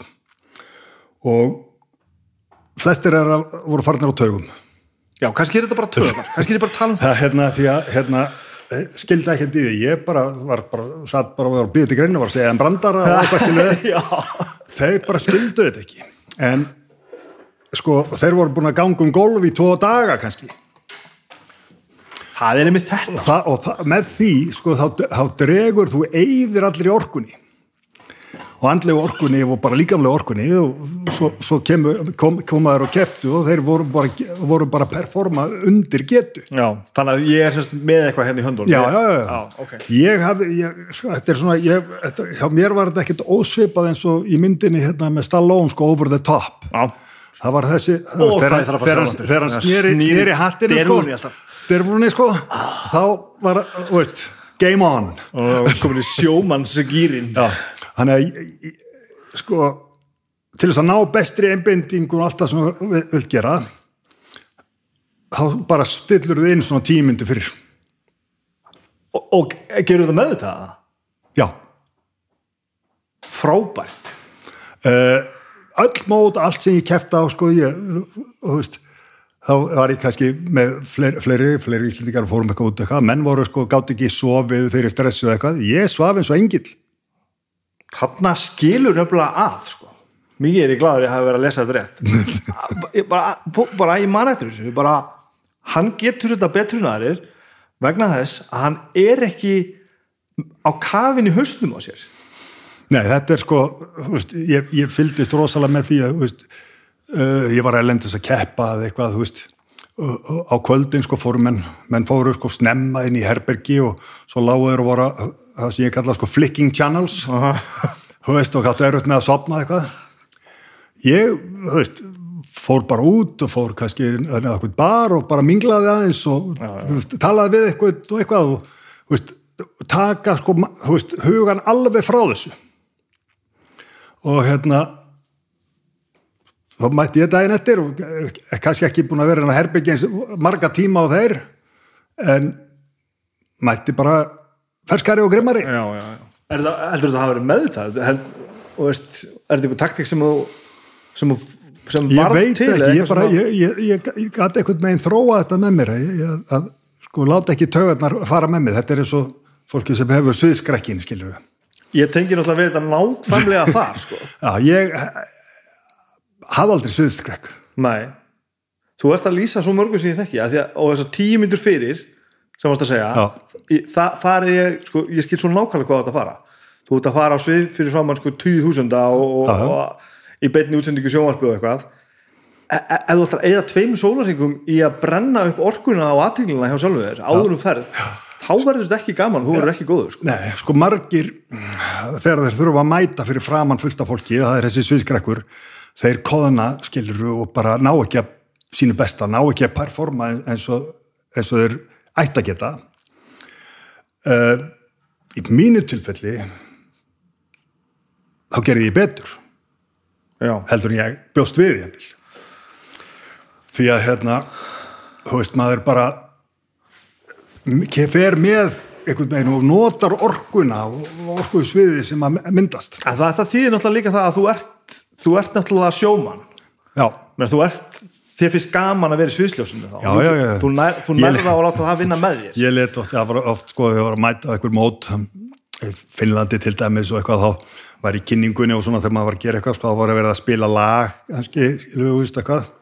Og ég, þeir menn voru að spila, láta spila eitthvað, þú veist eitthvað heavy rock og eitthvað svona þá lítið ég spila sko þegar ég var kynntur sko Tina Turner, simply the best en það eru þessi hluti að geta haft pínu svona snappi af því þegar maður sér einhver svona sem er svo ægilega grimmur á svipin sko og alltaf ég taður hausinn það eru þessi einhvern veginn beil alltaf fyrst sko. Já. þessi með sko í, í, í með flesta gattana á leiðuekkanum sínum með flottasta gítarinn sko það, það eru þeir sem gefast fyrst upp sko. og aðalmálið þú veist, aðalmálið er líka að hafa gaman að því sjátt að gera. Já, þetta þarf að vera gaman. Þú veist, ég hef alltaf ég hef gaman að því að æfa og ég hef það ennþá. Já, ég, hef gaman að því að keppa. Þú veist þetta þeir sögðu, þetta eins og þessum fyrsta móti mínu sterkstamar heims. Það var að BBC fólki var að koma tala við mig ég var að, þú veist, bara búin með trukkadráttin ég stóð upp bara á hlæjandi skilur, þú veist. Þeir bara, þú veist, hvað hvað er þetta með þig, skilur þú veist, það er allir hérna bara get ekki liggja hérna eins og rafi, get ekki andað eftir þetta. Þú stendur bara upp og hlærða þessu. Ég sann bara aðsku beifaldi, ég er að skemmta mér, ég er að hafa gaman. Já, já, já. þú veist. Og þe- þetta það, það skiptir svo miklu máli. Og ég held að þetta sé það sama í, í hvort sem það er handbólti eða þú voru að hafa leikleðina og þetta nær út fyrir íþróttir Já. þetta nær, nær út fyrir einmitt, allan performance Já. ef þú hefur ekki gleðina þá, þá gerir aldrei þitt besta held ég sko. e það er allavega, þe- þetta er þannig sem ég fyrir að hlutum sko. já, þetta er að sama bara þú þarft að vera að gera eitthvað le- leiðilegt verkefni þá reynum við bara að gera það skemmtilegt svo 100% sko annars er, dag, er dagur mjög lengi að líða. Það er ótrúlega hvað er hægt, já og það er, það er ótrúlega sóun sko. það er ótrúlega hvað er að taka leðilega vinnu og gera hana bærilega með því að finna vinkilin á hana sko. það er alveg magna sko. en þegar þú ert að byrja þannig að æfa þú, þá ert ekki að stefna á þessa afbröðinu frekar, þú ert bara Nei, að ég, lifta ég, já, ég, ég sko byrja bara á mitt áhuga mál til að byrja með bara kraftlýtingar af hverju viljum maður olimpískar og af hverju viljum maður kraftlýtingar Sko, kraftlýtingar eru rauninni uh, það er svona auðveldar að læra þér. Ólipíska liftingar er, þetta er svolítið að læra og, og, en kannski var þetta bara fyrir það líka að Óskar Sigur Pálsson var fyrirverandi ólipísku liftari en fór yfir í kraftlýtingarnar og hann var ráðin kraftlýtingarmar þannig að hann var bara að kenna okkur það. Já, já, já. það er bara það sem við fengið. Já. Það, já. Og, og hérna af þessum strákum sem við vorum vorum hann okkur að æfa held, veit ég nú ekki til þess að neitt sé almennilega að æfa en þá en ég hef nú ekki heyrt í þeim mjög lengi það fara hóið og sjá hvernig þeir eru standir og, og en þú ætlar sem sagt, þú, þú ert ekki að stefna á þetta sem ferir þannig fyrst að þú ert bara að þú ert fyrir einskólan og... já, þetta, þetta er áhuga mál og hérna og svo dett ég inn á þetta í rauninni sterkstamar heims og vinda og þá breytist allt en hvað við hafum opnuðust miklu fleiri tækifæri. Það, þú ert ekki detta þar eins, þú, þú ert búin að gera eitthvað aðeins og undan því. Já, já, ég var búin að gera eitthvað, ég var búin að vera að standa með rosalega vel á mótum og... Kraftliftingamótum þá? Ég var, var nýjórðin Evrópumestari í kraftliftingum. Já, þú ættir alveg þar, já, já. ok, ok. Og ég vann Evrópumótið sko með miklu mun já. og hérna, að, hérna, og stefna að ég ætlaði að vera heimsmeistari, ég ætlaði á heimsmeistarmótið. Í kraftliftingum? Í kraftliftingum og heimsmestramóti vannst á mun læri tölur heldur en ég tók á erfumótinu okay, okay. en mér, þarna bauðst mér í millitíðinni taka þetta mót sterkast maður heims sem ég fór á í staðin fyrir að fara á heimsmestramóti í og sé ekki þetta eftir þeirri ákvörðun Nei, er það er það stærri ferill að fara að vera afluna maður heldur en kraftlítingamæður svona Já, það, það opnaði, opnaði þann möguleika sko að, að halda áfram og, og geta í rauninni orðið atvinnumæður í þessu. Sem er ekki hægt hinnum einn? Nei. Já, það er bara hreint nei? Það er bara nei. Já, og, og ekki í dag heldur það? Nei, það er meira og minna bara áhuga mannasport. Ok. Nefn að þú sért eitthvað ofurgóður og, og, og geti verið með bara þá þeim með, í sponsera, skiljur. Já, hann er ekki þá að vinna sporti. Það, nei, það er ekki, ekki veluna fjö og og, og svo leiðis hvað er þetta umulegt maður get ekki unni við það sem maður er góður í maður. já, ég meina það er bara sama í olimpískum liftingum það er ekki veluna fyrir þannig að þetta þetta var svo sem ekkert, ekkert erfið ákvörðun sko þetta, þú lýsir þessu eins og þetta sé bara eitthvað svona beint stryk þú bara byrjar að hefa liftingar fyrktar eitthvað eins og við höfum skóla fyrir svo bara mót og einhver mót og svo Evropamót og svo bara dettur hann á þetta og vinnur það og bara er þetta bara svona? Varst það bara búin að lifta alla daga og varst allir sterkastur í heimi? Bara? Já, þetta gerðist bara svona í rauninni sko. Og hvað er það að tala um langan tíma frá því að fyrir fyrsta efinguna fyrir austan hann er sterkast í maður heims? Tíu ár. Það er fárálegt. Það er lígilegt. Ég byrja 18 ára að fyrta vel þetta. Uh, ég er 28 ára þegar ég vinn sterkast maður heims. það er rosalegt. Og svo ferðu hann árið til árið til árið manni ég og varst annar hann aðeins svo oft já, ég var, já, svo kem, koma tvö ár sem ég er annar í rauninni. Og hérna var ekki annar mótið hérna heima? já, ég... fyrir mótið árið, árið eftir er mótið hérna heima.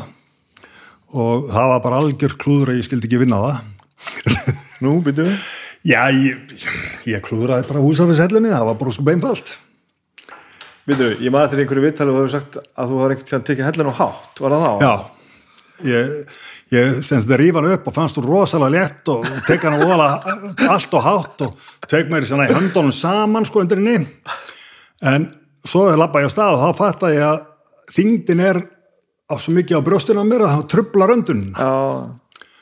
Og ég lappa alltaf eitthvað og ég sé ekki neitt hvert ég er að fara heldur sko. Þannig ég er svona að reyna að kikja snúa mér og kikja hvert ég er, hvort ég sé nú eitthvað lapp út í móa sko. Og svo ætla ég að reyna að láta hann að síga aðeins, svona, láta hann að slæta aðeins niður, þannig ég sjáu hvert ég er að fara. Og misti ég hana. Þú ert að tala um svo ómennska hluti sko. Þú manst þetta, þetta sittur að síður Já, ég, ég horfði aldrei á þetta mót. Og hérna þú veist, ég veit, ég veist, ég var sterkastur alltaf á þessu móti en þetta bara stundum fer þetta svona. Já, að hérna, ég hef aldrei lappað svona stutt með þessa hellu. Já það er þannig. Að hérna þannig að hérna, þetta, en þú veist maður getur ekki unnið alltaf. Og hérna þannig að ég var bara að kingja þessu. Þetta var bara, svona er þetta maður, ef maður gerir smá mistök að þau geta orðið dýr. Um, árið eftir er árið sem að Jón Páll fellur frá. Og það er hvenar uh, hérna 93 að ekki og sko hausin á mér bara er ekki í in the game, eins og maður segir. Voru þið hlið hlið æfandi alla daga? já, já, við vorum, æfa og ég lappa akkurat inn, inn í æfingastöðin á er að fara á æfingu þegar ég lappa inn og það er verið að nóða kallinn já ok. Og blási í hann sko.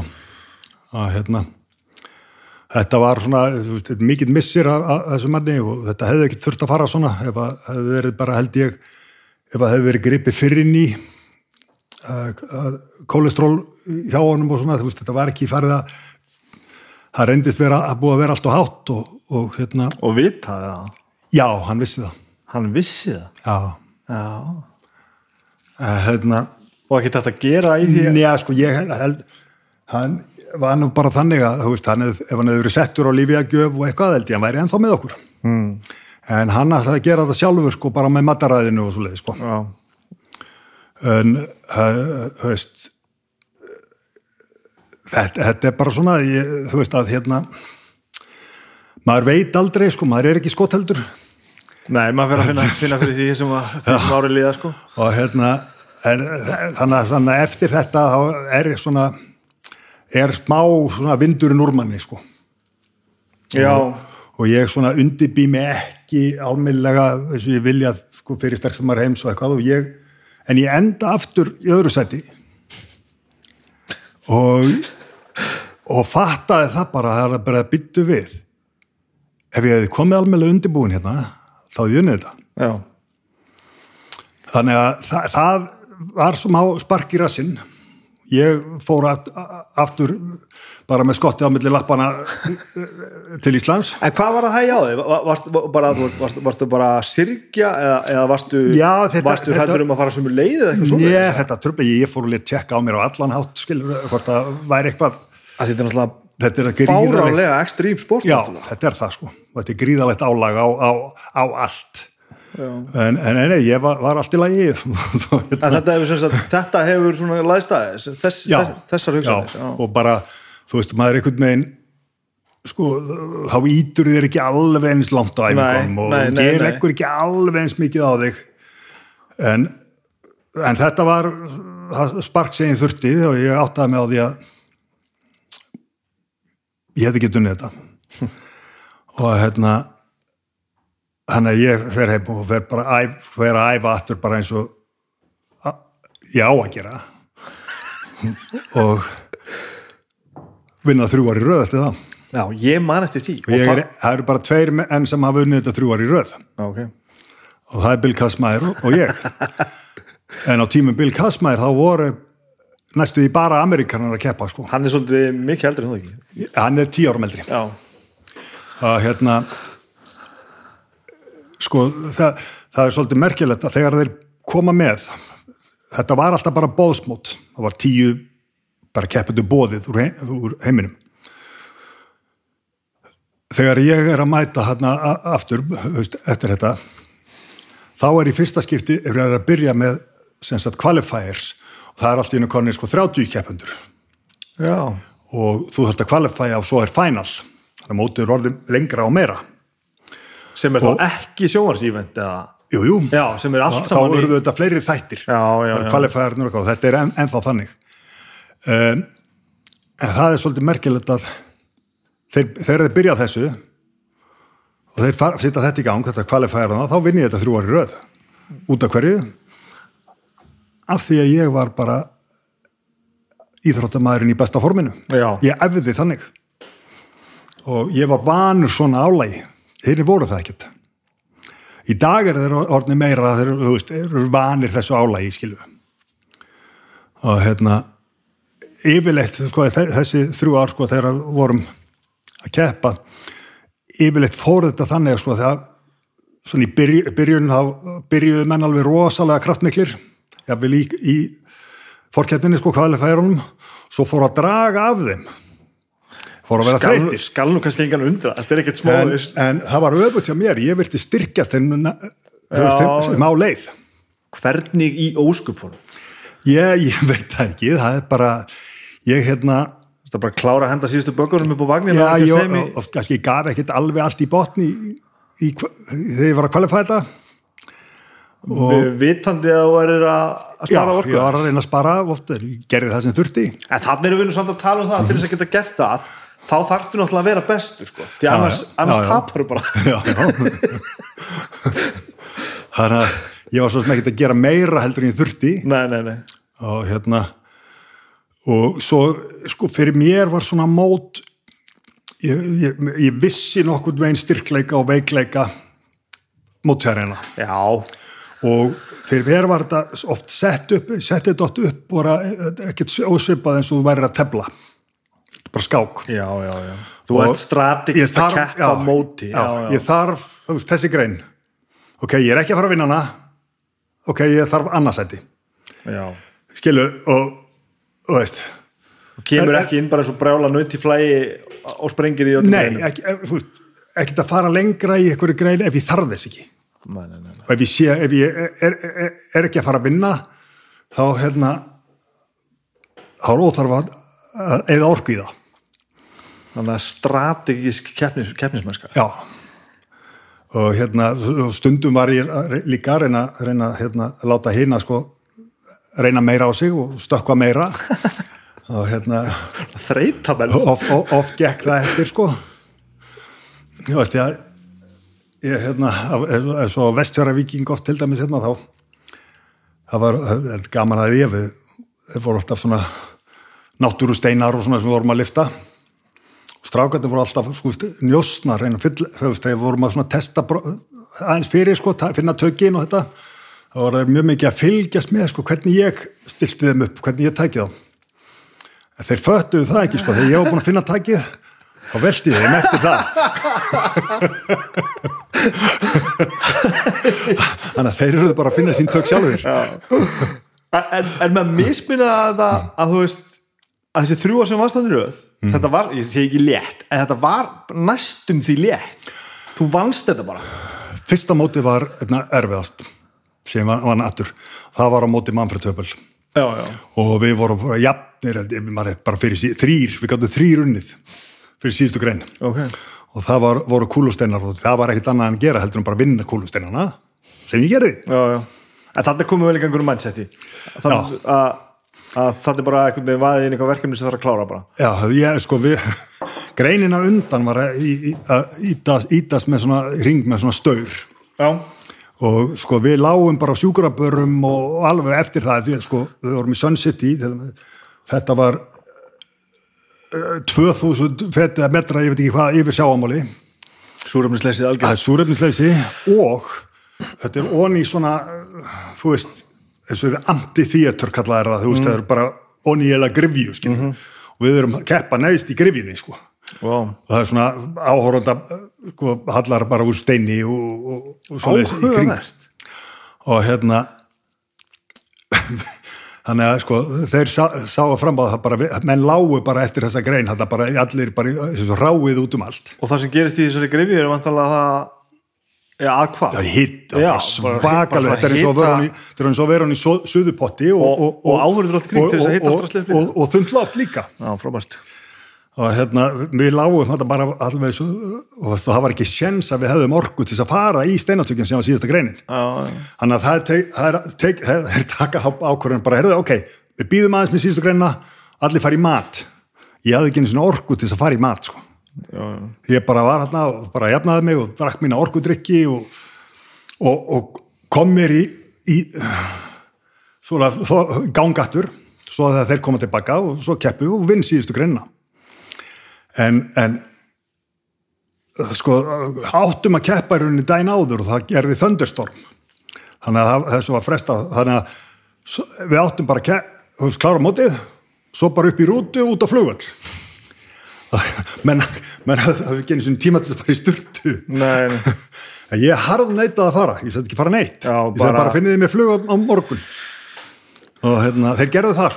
Ok. ég sagði bara, ég hef ekki orku ég bara ge- meika það ekki En hvað er það sem gerist þarna? Þegar þú ert á þessu, þessum stað og þú ert að gera eitthvað sem að sko, bursið frá öllu öðru náttúrulega er humanly impossible einhvern veginn og þú með alla orkuna og þú klárar þér svo mikið að þú sko, kemst ekki einu sinni í fötin þegar þetta er búið. Á hvaða stað fer maður hjá sér þegar maður fer bara og klárar fokking steinana árendi búið?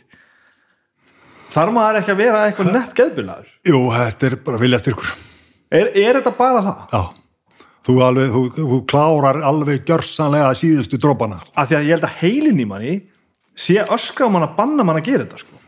Já, já, líka með jafnvel líka já, en þú bara útilokar það og, og, og, segir sjálfu þar að þú ætlir að gera þetta og, og heldur maður að geti þjálfað þetta eða verður maður að vera svona upplæði Ég veit það ekki. Ég veit, ég, fólk sem er keppnisfólk og er með keppniskap og, og þetta, ég held að þetta sé í þeim öllum. Mm. Það er þetta að, að stíga skrefinu lengra. það er það sko þetta er Þegar þú ert búinn, að, að ferðu lengra. já. ég held að þarna skilji oft að sko að bara fólk hald þeir sem að trúa að þetta sé búið þá er þetta búið Já, það, það er oft þannig sko en veist, ég er svona kannski alveg ráðleiki þetta ekkert rosalega ég, ég, veit alveg hvað þetta tók, tók úr mér svona. Já. ég hérna bara sko, ég æfið ekki í hálfa mánuða eftir sko, já við, við erum alveg þarna bara. Ég var alveg sigraður sko, hefur þetta gæst oft? Eða? á farir bara nei þetta, þetta var það mót sem tók mest úr mér. Og hva, bara, þú veist, bara ekki bara líka bara heldur andlega, bara ég var bara alveg búinn. er það maður tók mig alveg svona heila mánuð sko, ég, ég, þetta var eins og ég, ég, það var eins og ég væri bara í heila þóku allavega í hálfa mánuð, það tók mig alveg mánuð svona, veist, að ná mér í, í gangattur Jesus Christ. Og er, veist, er maður ekki bara smegur um að þetta komið bækt tilbaka maður er bara skemmt eitthvað. Já, ég, veist, þetta, ég, ég sagði eftir þetta mót sko, bara nei, ég aldrei aftur, ég er búin að fá nóg. Wow.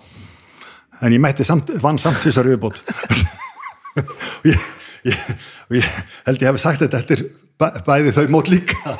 En en svo maður fljótur að gleyma. Þetta komið þetta spurningu sem ég veit er ósengjörn en enga sigur. Og er þetta ekki erfitt? Jú, þetta er veist, ég gríðarlega veit að þetta hljómar aðstæðlega en þú veist, eitt er nú erfitt sko, en ég meina þessi átök eru svo rosaleg er ekki verið að ganga á einhverja byrði sem er, þetta er svo rosalega mikið sko. Jú, jú, þú ert að ganga lengra heldur en að uh, þú átt að geta og á að vera humanly possible, skilur við en þú ert líka búin að vera að þjálfa þig með þetta í huga. Þetta er, uh, veist, þetta er eins og sér sko liftingamannin og hann er að lifta gríðarlegri þyngd en hann er búin að leggja á sig gríðarlega vinnu til þess að lifta þessari þyngd. Já, já, það, þú veist, það fer engin einhver, einhver óæfður og, og gerir svona hluti. Nei. Það, þú veist, það, það er, er, bara, er bara þannig og, og í, í sporti eins og, og afbröðum er þokkalega mikið um meðsli það er svo sem í fótbolta með njálmeðsli og, þetta skilur veist mikið en, en sko, þú veist í afbröðum mennur ég að vilja slíta vöðvana frá beinunum sko. oh. eins og hérna upphandlegg mjög, mjög, mjög algeng meðsli, þú rýfir upphandlegg og hérna það þurfa að festa nattur sko í rauninni við beinið í framhandlegnum, skiljum við. það er við svolítið bara að koma að því að líka mér er bara ekki nógu sterkur til þess að ráða við átökin Ég sko, það er bara veikir púntar í já, líka oft, sem bara er, oft, er þetta, er nú búið að láta vita af sér aðeins undan, þú ert búin að finna einhver smá ónót, þú ert búin að finna smá verk og þú bara hulsar það. Það, það er svolítið þannig en, en, en sko menn hafa veist, rifið hérna, ha- hamstrengin, menn hafa rifið læri e, þú veist, kálfa e, hásinar það, þú veist, trukkadrætti til þeimis þannig að þú veist það eru meðsli og og yfirleitt þegar þú meiðir í þessu sporti þá meiður þið svolítið alvarlega Já. en merkilega við þetta er samt að menn koma alltaf aftur flest allir koma aftur Er það ekki vegna þess að til þess að ná árangur í, í svona ekstremsporti þá þarftu að hafa þetta mindset? Jó, Kemstu nokkuð tíman á svona mót með þeim bestu nema að vera þessi típa af mannesku að þú nárið tilbaka að þú rífur sko, þú, veist, já, sko, þú veist, ég var búin að fara í gegnum uh, að slíta hérna kvadrasepsinarnar á njánum og, og rífa allt saman og það var búin að fara í, ég hef búin að fara í aðgerðir og og hérna ég, hef búin að fara í sko, ég búin að fara í tvær, var búin að fara í tvær að- aðgerðir á báðin njánum og ég mæti aftur, skilur við og ég, þú veist og er bara, þú veist, ég, ég er alveg 45 ára ennþá, skilur að keppa þetta við þessa ungu strákana og, og, var, var, var að flingja þá til að meðslinn fóru bara verða og valvaleg Já. og síðasta skipti sem ég mætti var á Vestarvíking og hérna og ég var bara ekki í formi. Það bara var bara þannig, ég var bara ekki í formi en, en það voru eitthvað svo fáir sem mættu að ég alveg, ok, já, ok, ég verð bara með líka En það var þetta náttúrulega alveg pínu svona novelty hjá þér, mér er búin að vinna allt sem þetta er að vinna og já, svona. já, þú veist, og þú, þegar þú ert búin að vinna allt og sigra allt og, og þá er ekki þetta dræf lengur og svo þegar að líka menn er svona farin að segja svolítið stopp, sko. Og þá ertu kannski meira að reyna að hafa gaman að þessu. En það endar oft þannig, sko, að, að svo þessum vestarvíkinga þá þá rýf ég hérna í uppallegin ég reyf hann ekki frá beininu. En hann, sögur, hann, hann, hann, hann trosnaði. Ok. og þá saði ég við mig sjálf ok, nú er þetta komið gott. Nú er ég bara hættur. Og ég hætti. En ég kefti að einhverjum kraftlýtingamótum eftir þetta. Svona hef gert í backpressu og restfélitstöðan bara til þess að sína að ég gæti þetta þá en það, er líka kannski pínu farin að, að leika þér, meina þú ert náttúrulega, eins og þú segir, búin að sanna allt sem hægt er að sanna og, og, þú vantar að komin á þann stað og er svona bara, já, meira svona bara að sína að þú getur þetta. Það er stundu, stundu þannig sko. En þessi tvö þarna sem á eftir koma er það rétt munið þá, þetta hafi verið svona ég segi ekki létt, en ma maður fannst þetta bara svona þú vannst þetta bara helviti samfærandi og þú varst einhvern veginn bara langsterkasti maður í heiminum. Já, það er svo, þetta er svo, ég, þetta er bara, ég var bara ég var bestur á þessu tímbili og, og hérna og ég trúi því að sko, veist ef að, ef að allt, allt hefði gengið mér í hag þá hefði ég átt að vinna oftar heldur en fjóru sinum já, ok. En fjóru sinum I'll take it. Líka bara þrísvar í röð sko. það er svo mikið statement að gefa það. já, að einhvern veginn að geta haldið út. Eitt er einhvern veginn að svona slýsast á þetta annars slægi en að sína bara, herru ég, ég ætla að vera sterkastur í heim í þrjú ár í röð. Já, þetta var svolítið þannig sko, eftir fyrsta mótið að menn voru eitthvað að heldur það bara ég hef verið heppinn og, og þessi var ekki eða þessi var ekki eða eitthvað skilur þannig ég, svona það var svolítið í mér að ég vildi sanna að ég var ekki bara heppinn. Þannig að ég vinn, er tvisar annar og vinn svo þrísvar í röð. Já, já. þannig að ég hef búin að ég hef búin að sanna að ég var ekkert bara heppinn. Nei, nei, já, það kannski einmitt það. Og ég meina þá var þetta, ég, og ég man svona einhvern veginn stemning, ég man bara af næstu orðið venjulegt að það var Íslendingur sem var sterkast bara í heimi, já, það er rosa furðulegt. Já það, Íslendingar voru orðnir svolítið svona góðu vanir Já, með það er þetta. bara veruleika fyrst sko. og, og, og svo kom, kom mjög langt mörg ár er það svo bara Hafþór síðan? Já. og það er bara nýlega. Já. Og og, þú- og, það- og, nota beni sko veist, hann þarf náttúrulega að vinna fimm sinum ef hann ætlar að gera betur en ég og Jón.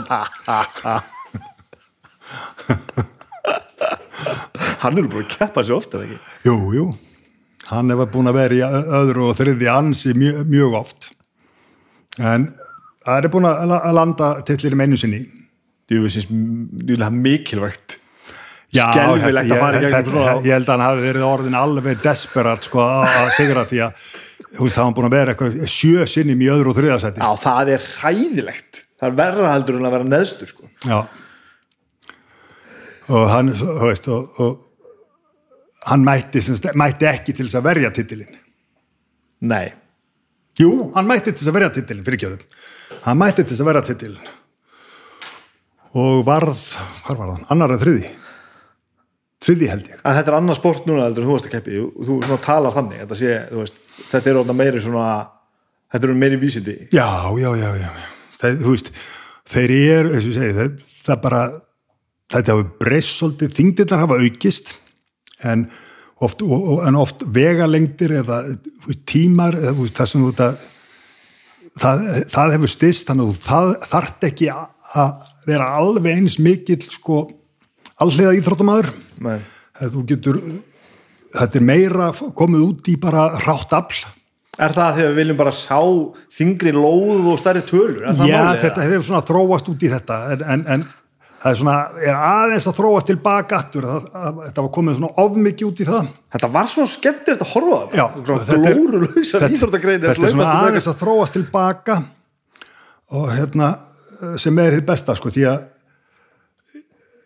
sko, þú veist, í mínum huga og, og hérna Douglas Redmunds að það, það hölluðu við þetta sko strength athletics. Já, einmitt. Uh, en þegar, þegar þetta er komið út í það að allt er bara orðið ofur þyngt eins og ég hef séð á, á eins og hefur verið á sumum mótum að það er lett fyrir því á Arnold Classic að, að koma með trétrumb og það er eitt keppandi sem tekur hann. Já, Já, og þá, þá þarf að koma inn með léttari drömb fyrir hina til að taka einhver, eins og ofta þeir geta þann, þann drömb Já, til að, til að veist, taka í sundu stíin og þannig þegar þú ert komin út í þetta eða, e, þá, þá ertu komin í e, svona heldur mikið þungt. Já. Það já, það svona fara að snúast um eitthvað annað sko. Já, sko, mín, mín skoðun er svo þegar ert með eitthvað sem þú þarft að lifta oft eða svona í endurtekningum að þá eigi sigurvegarinn cirka að vera hámark svona áttasinnum þá verður svo þetta kannski með sjör sinnum sex og svona niður, niður úr því en, en þetta fyrir mér meikar algjörlega sens Þannig er gaman að horfa sko. Já, og svo kemur einhver þegar, þegar, þegar þetta vinnst á, á, á kannski þrjárliftur Já. og, og, og, og helmingurinn getur ekki neina Þetta meikar ekkert sens sko. þá sko, finnst mér þetta að fara að missa aðeins marks og það eru náttúrulega, það er alltaf í einhverju móti, það er alltaf einhver einhver sem að þú veist, ef þú átt einhvern veikleika þú veist, þú ferð kannski í að lyfta upp fyrir höfuð að þá hérna er einhver sem kannski gerir null Já, og ok, en þegar þú komin með sko miklu meirinn helmingi sem gerir null þá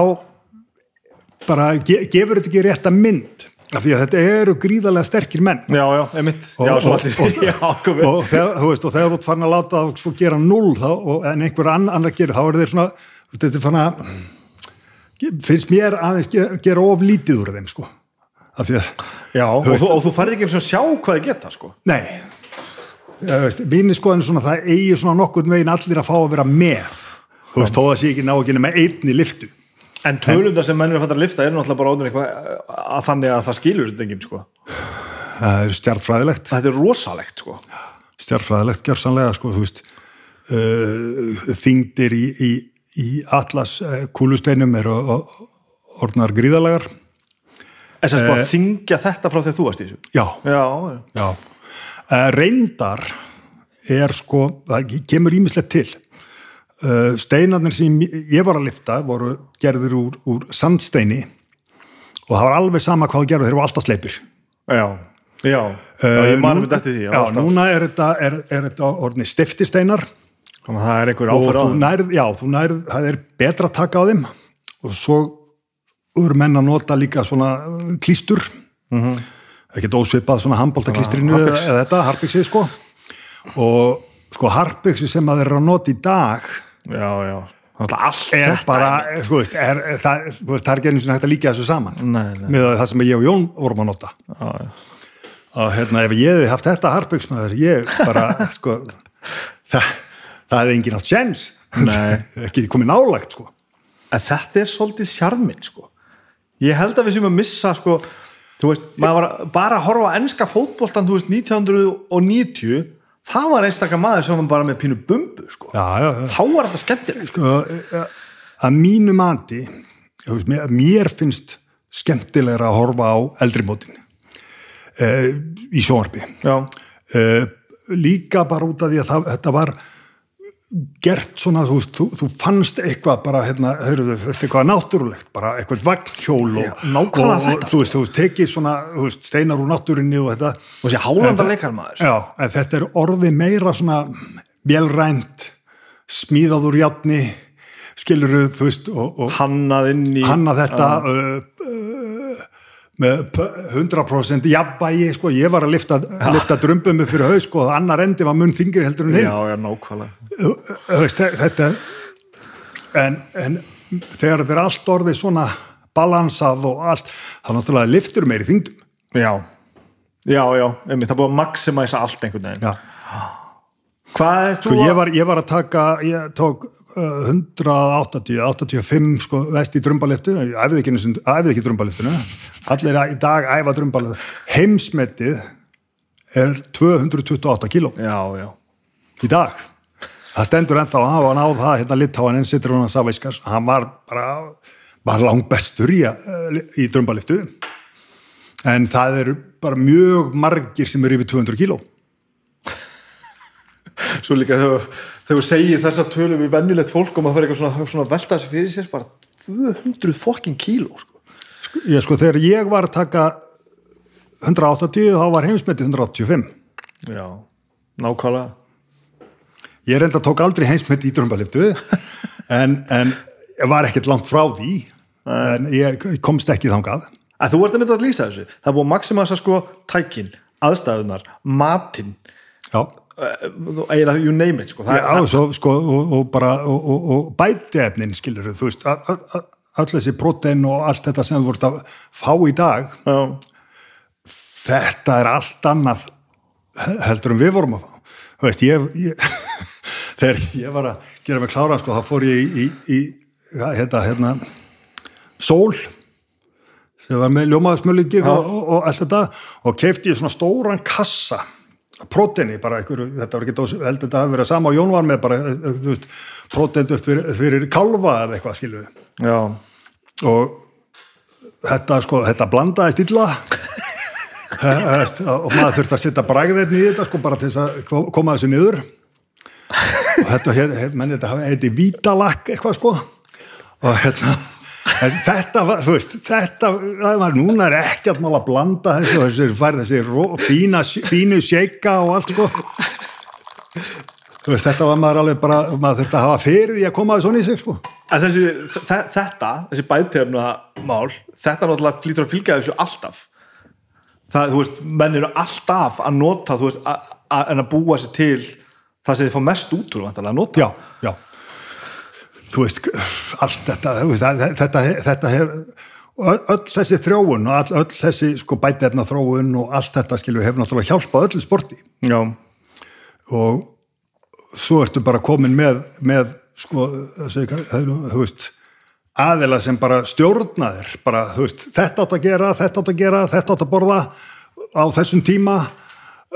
Þú veist, það eru bara aðila sem gera sig út á netinu að gera þetta já, þú bara kaupir aðgang á honum og hann og sendir honum málin að þér og, og whatever eitthvað skilur þú veist, og hann sendir þið bara tilbaka. Ok, þú ert að gera svona, svona, svona. Bara nákvæmlega þetta á þessum Þú tíma veist, og sama er orðnið, það er orðnir einhverjir þjálfarar út í heimi sem að ég vil aldrei sko kefti í afbrönum og þykjast vita allt.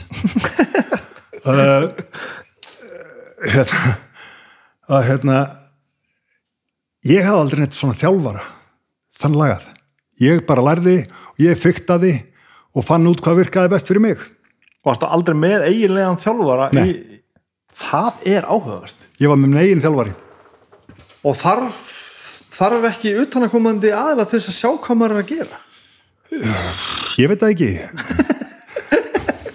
En greinileg ekki, ég finnst að það getur verið sterkast um maður heims Já, án já, það er mjög margir í dag sem eru með einhvern svona sem að leiðbeinir þeim og, og, og hugsar fyrir þá algjörlega bara, bara, bara, sendt út að gera þetta og þetta og þetta. Þú veist þú, eh, sko, það er engin eins. Nei, það er ekkert eitthvað sem að virkar eins fyrir alla.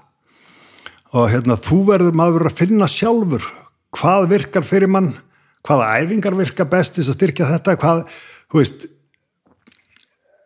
það, það, það, ég hef ekki þá trúaði að það get einhver bara stjórnaður eh, og, og, og þú átt náttúrulega að vera nó, nógu mikið inn í málánum og inn í því sem þú ert að gera þú átt ekki að láta einhvern annan sjá um þetta svo hvað, þegar einhver, þessi er ekki við, hvað gerur þú þá?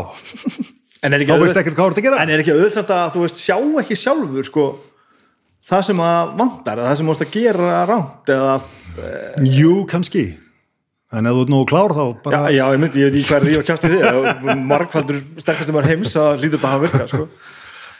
En þú veist, ég lærði margt, ég lærði margt af Jóni Páli, ég, veist, ég lærði margt af Óskar Sigurpáls, ég lærði af, af, af uh, Bill Kassmæður, ég, ég fylgdist og stúdiraði þess að kalla. Ég prófaði og gerði ímislegt, prófaði mig bráfram.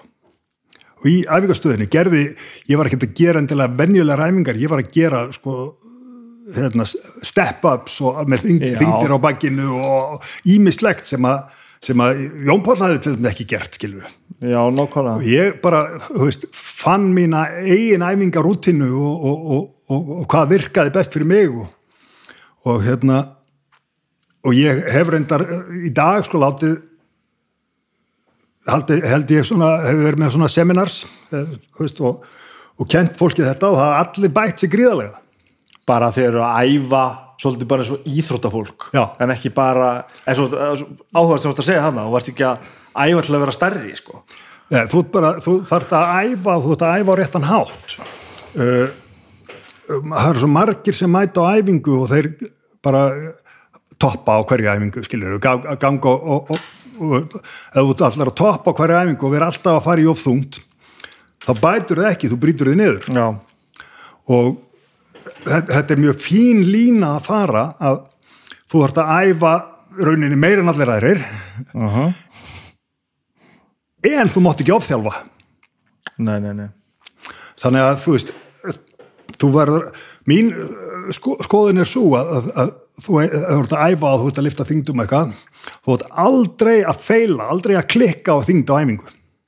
Já, uh, þú átt þú veist, og ef þú liftir eitthvað og finnir, ok, heyrðu, já, kannski get kannski 5 kíló viðbót. Ekki farið það. Alltaf þú ert að lappa út, vita ég á pínu inni. Uh, á þennan hátt ertu líka að fljótari að jafna þig og, og vera tilbúin í aftur í átök. Ef þú ert alltaf að fara í alltaf í maxið, þá brýtur þið niður þú býr til vandamál, þú býr til bólgur og býr til meðsli En þarna þetta, ertu nú líka bara að tala um hreinan sjálfsaga. Já, þú bara verður, að, verður, eins og ég segi, þú verður að læra á þig og, og, og þú, þú veist, þú, svo máttu heldur ekki af létt.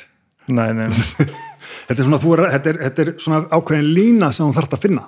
Að Þú, þetta, þú er samt að lýsa því hérna sko, að þú ert alltaf að hlusta á systemið í þér allt saman allan daginn Já. alltaf. Já, sko í, í dag er, er, er hérna, menn æfa kannski þetta er mjög algengt system, þeir æfa sko grimt, veist, keira mjög grimt á það í þrjár vikur. Svo kalla, ta- taka þér svo kalla deload viku. Þá slá þeir af í þingdónum í eina viku. Svo keira þær allt í botni allt, allt, alltaf í, í, í, í þrjár vikur. Ég gerði þetta ekki dósvipað nema ég bara fór eftir í hvernig ég, hvað, hvað líka minn saði mér. Já, ég stilti þetta ekkert inn á akkurat þrjár vikur, ég kannski var fjóra vikur, fimm vikur alveg, í- þú veist, grimt. Svo fann ég það bara, ok, heyrðu, nú er komin þessi þreita og þarf bara recovery þá tíma. bara slæja aðeins af viktunum, skilur upp fer samt í gegnum, þú veist, reymingarnar og æfingarnar, bara með minni viktir og þá fær líka minna að jafna sig og þá, svo kemur aftur. En þú var, þannig að þetta er bara svolítið að þú veist, innan bara finna þetta upp. Ég meina, það, það er enga fyrirmyndur af þessu þegar þú ert að gera nei, þetta nei, Þetta er nefnilega málið, þarf maður ekki stundu bara hlusta sko. já. Þú, sko, þú veist, líka menni yfirleitt segir þér, sko, hann segir þér til. Er það ekki nefnilega? já, þetta er en, mjög en, en, en það er mjög algengt að hlusta ekkert á hann.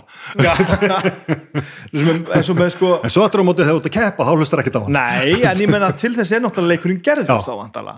Þetta er eins og með mat, matinn sko, ég man ekki hvað voru margir búin að segja mér í hversu mörg ára ég þurft alltaf að bora morgumat. Mér langar aldrei fokking morgumat. Svo allt einu kemur bara því að, að nú er ekkert lengur töff að bora morgumat sko.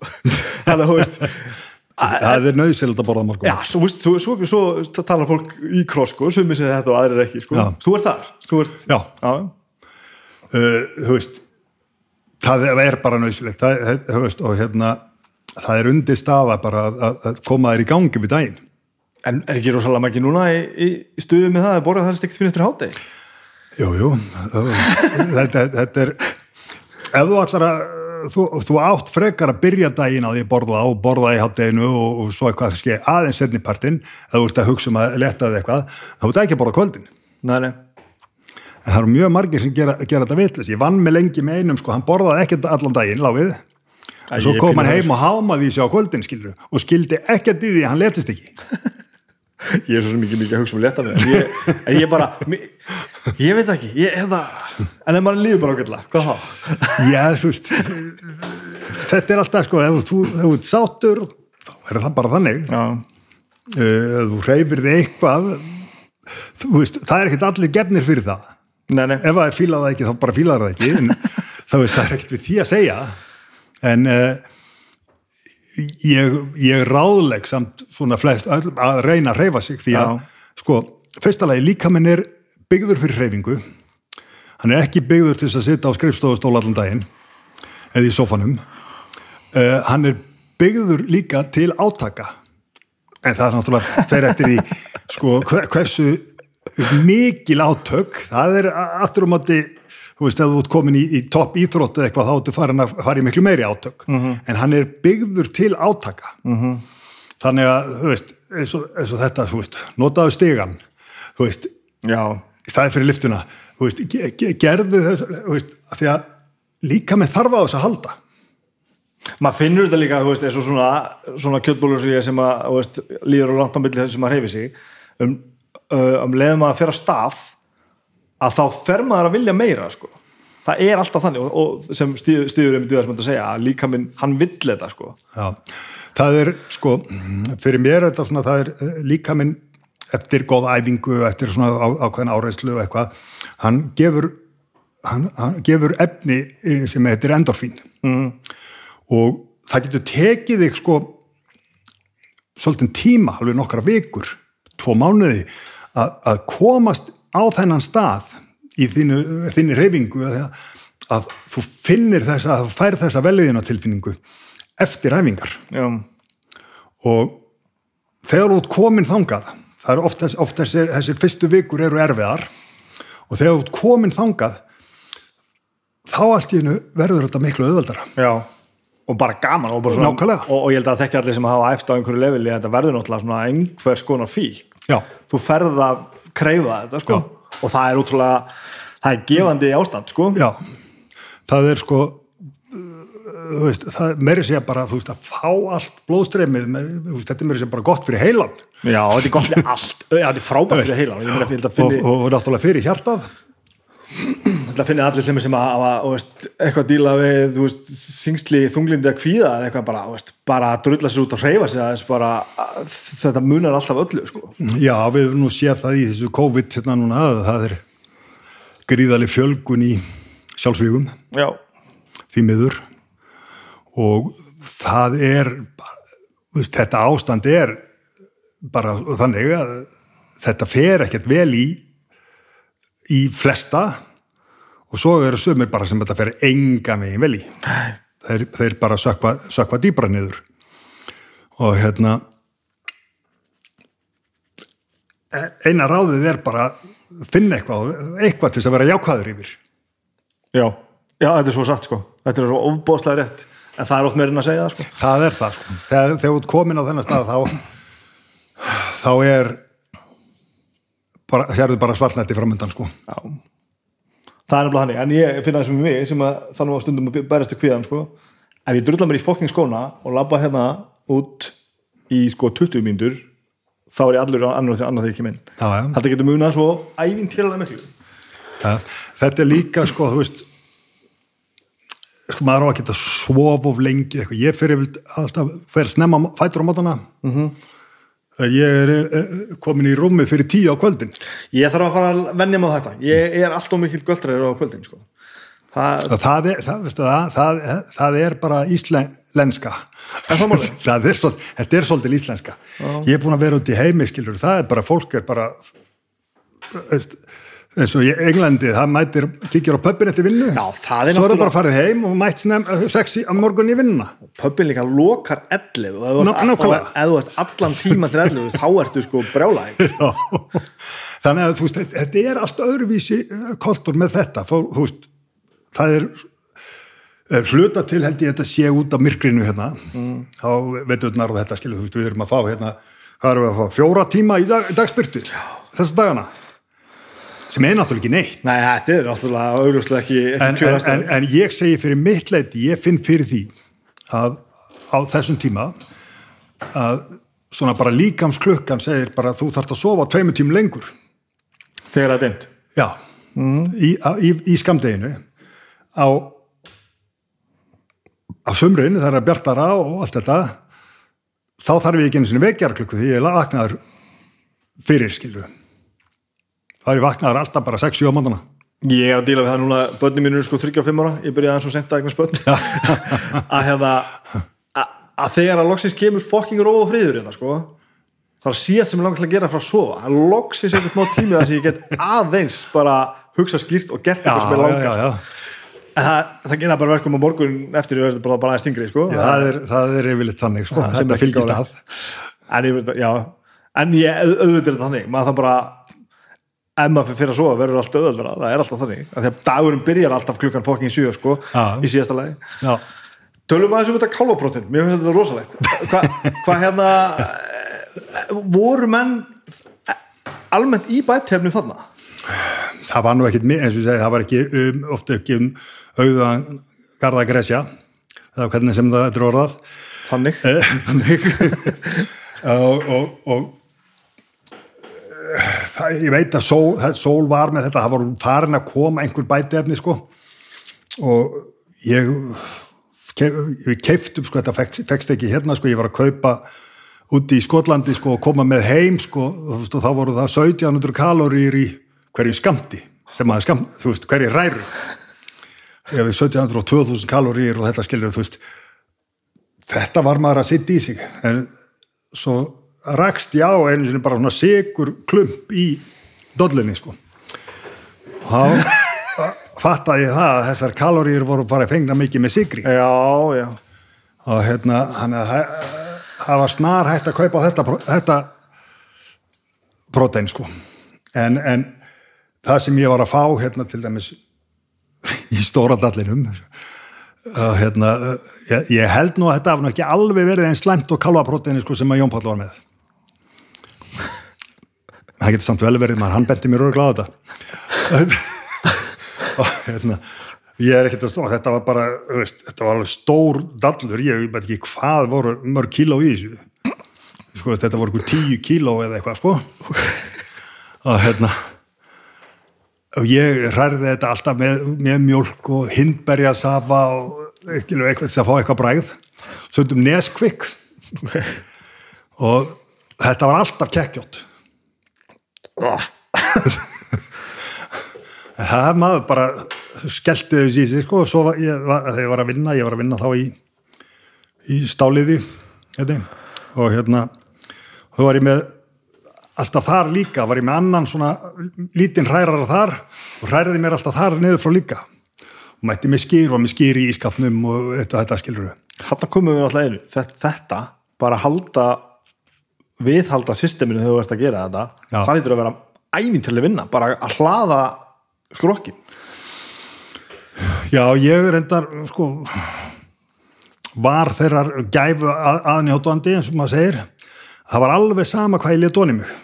Ég ætti vandræða með að þingjast Já, ok. Brennslan var svo mikil. Já, já. Og ég æfði svo mikið.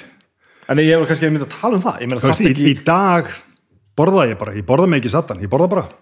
Já, já, ég veit að þetta er nóg, bara hættur. Já Skilurðu? þetta er bara verkefni. Já, það er bara að borða þetta hér. Já. Já, Uh, veist, ég treð mig ekki svona út eins og, eins og ég gerði, ég veist, ég kemur fyrir að, að- kannski á sunnudögum eða eitthvað, að maður missir sig aðeins í steikinni, sko. Konan verður alltaf að hissa, hvað fer maður ekki onni, onni mig? en, við erum svona að tala um það bara. Að þess, þess sem eru að æfa þessu kalibri þú þurfa að borða ógeðslega mikið og svo náttúrulega eru þessi bætefni sem er að reyna að maxima Já, allt sem þú er að gera að borða, sko, eins og segja, óheirilega mikið. Þú, þú veist, einhver sem er í svo íþróttum, þú veist, stunda þær einhverju kjarni, hann er sennilega að borða þrisa sinu meira heldur en venn- venjulegu maður. þetta er bara verkefni maður Já, já, og hérna en hann þarf samt að passa sig sko að vera ekki að innbyrða og mikið kólestról mm. því að ef þú borðað svona mikið þá þarf þetta að hu- hugsa um það og sért ekki að innbyrða miklu meira kólestról heldur en hinnir -hmm. og þú þarft svona að, vanda að þú sért að fá prótein og þú sért að fá kolvetni. Uh, þú, þú sért að fá svona tokkalega fjölbreytta fæðu. Svo bætur þetta með því að þú tekur aukalega vítamin og allt líka. Þú tekur aukalega fæðubótarefni uh, jafnvel prótein og, allt því að það er ekkert óeðlilegt fyrir svona íþróttamann að vera, með, vera í 10.000, 15.000 kaloríum á dag og hvað líka svo mörkin hvað mátt og hvað mátt ekki hvað, veist komið í livja umræðina Já, þetta, þetta er svona þú veist, þú bara þú borðar ekki á mikið bröð til dæmis. nei, ég Þú áttu nú bara við löglegt og ólöglegt sko. Hvað er er línan sett þar? Í það er sko, það er nú svolítið reyndar búið við hérna á Íslandi við það að, að hérna fæðubótarefni sem við fáum hérna það vantar svona svolítið í þau með það sem að við fáum kannski eins og út í Ameríku og svona þess að við getum keft út í búð þar. Og þannig að maður, eins og ég sagði, maður hafið það nú yfirleitt fyrir sig að vesla sér þetta úti og koma með dallana heim til þess að, að geta sko uh, af því að það var bara betri vara já. og það er eitthvað sem er, sem er lift á öðru stað og banna á öðrum. Já. Já, já.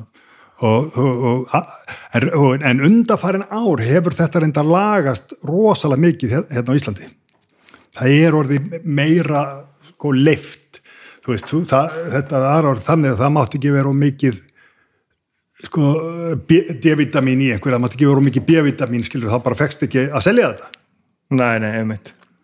Og þetta, hafi verið leift sko meira meina allstar annar staðar en ég held reyndar að þetta sé að breytast, hafi búið að breytast aðeins út af þessum sko EES-samning og, og, og þessu að vera að hengja sig á þetta á þetta Evrópusamband sem að mér finnst nú óþarfi. Mér, mér finnst við ekki nógu sjálfstæð þannig. Ok, ég hef ekki ekki yfirgjörðs mikla skoðun á þessu máli. Nei, þetta er svolítið fyrir utan.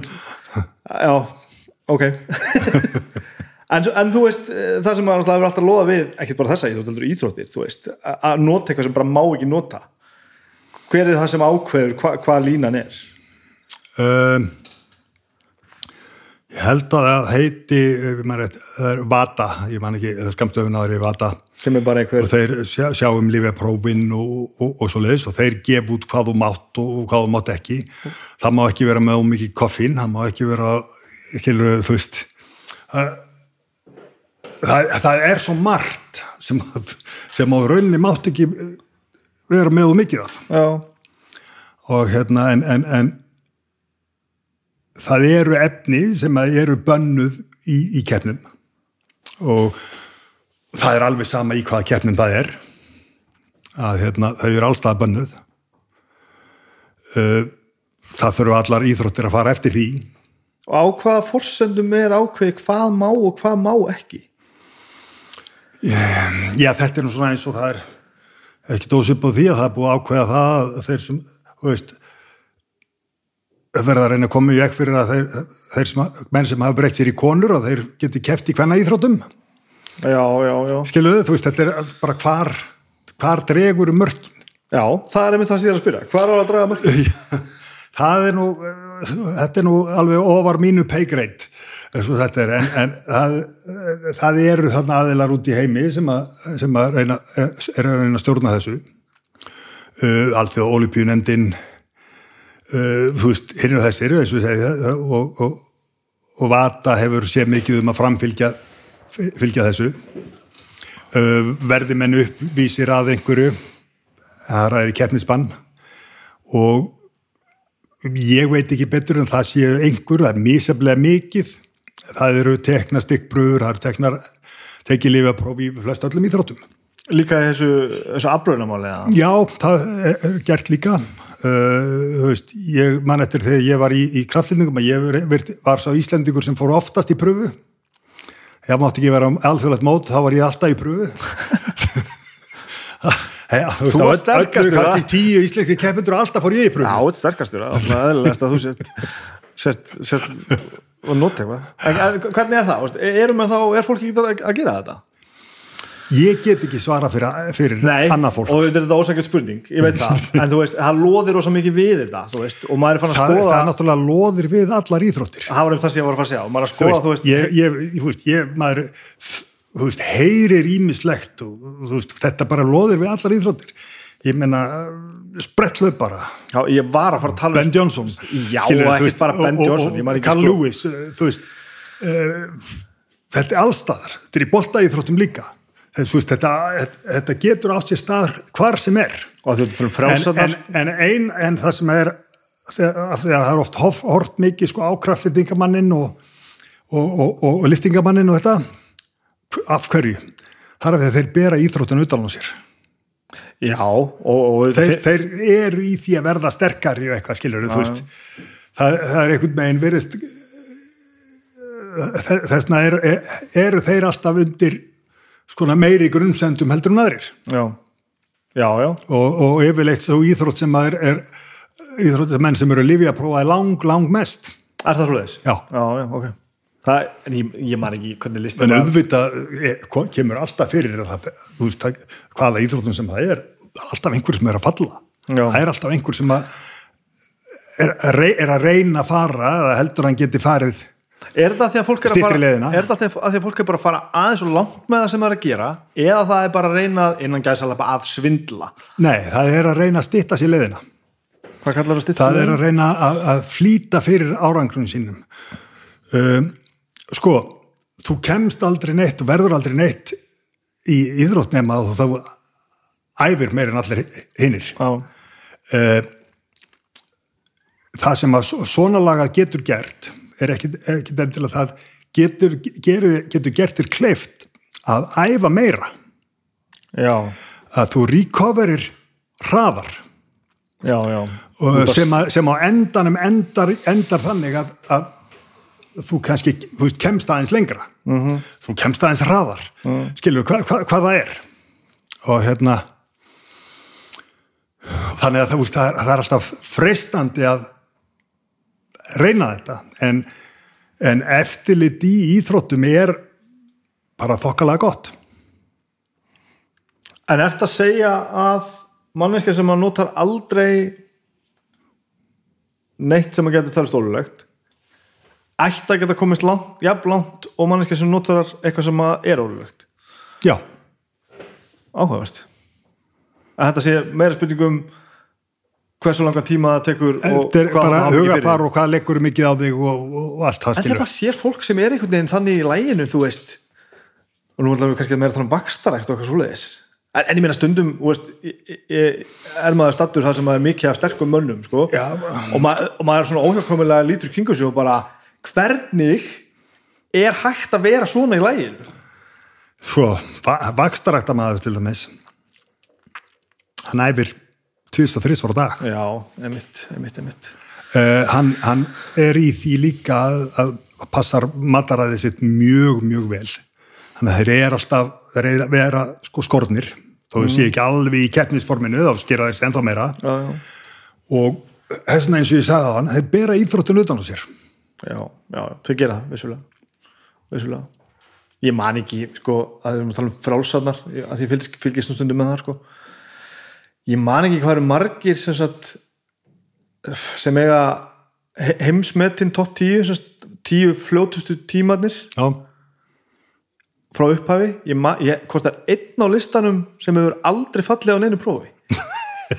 Veist, já nú, nú ertu að tala um eitthvað sem ég veit ekki um sko. Nei, veist, ég, og, og kannski er ég að fara með einhverja kannski er að skekkja tölfan eitthvað aðeins en þetta er einhvern veginn svona, sko, svo bara fara mann í eitthvað bann og koma svo bara aftur, sko. Þetta er orðið svona, veist, En það er rosalega sko, veist, að, að taka sjensin á þessu og þau vil enda kannski í keppnisbanni í, hvað er þetta, tvö, þrjú ár. Þetta er þrjú, eða þrjú ár held ég. Og ef þú lendir í að vera tekin aftur þá fyrir ég ævilandbann. já, já, já, og mér bara þrjú árið, ekki smá skerðinga á ferlinu, sko.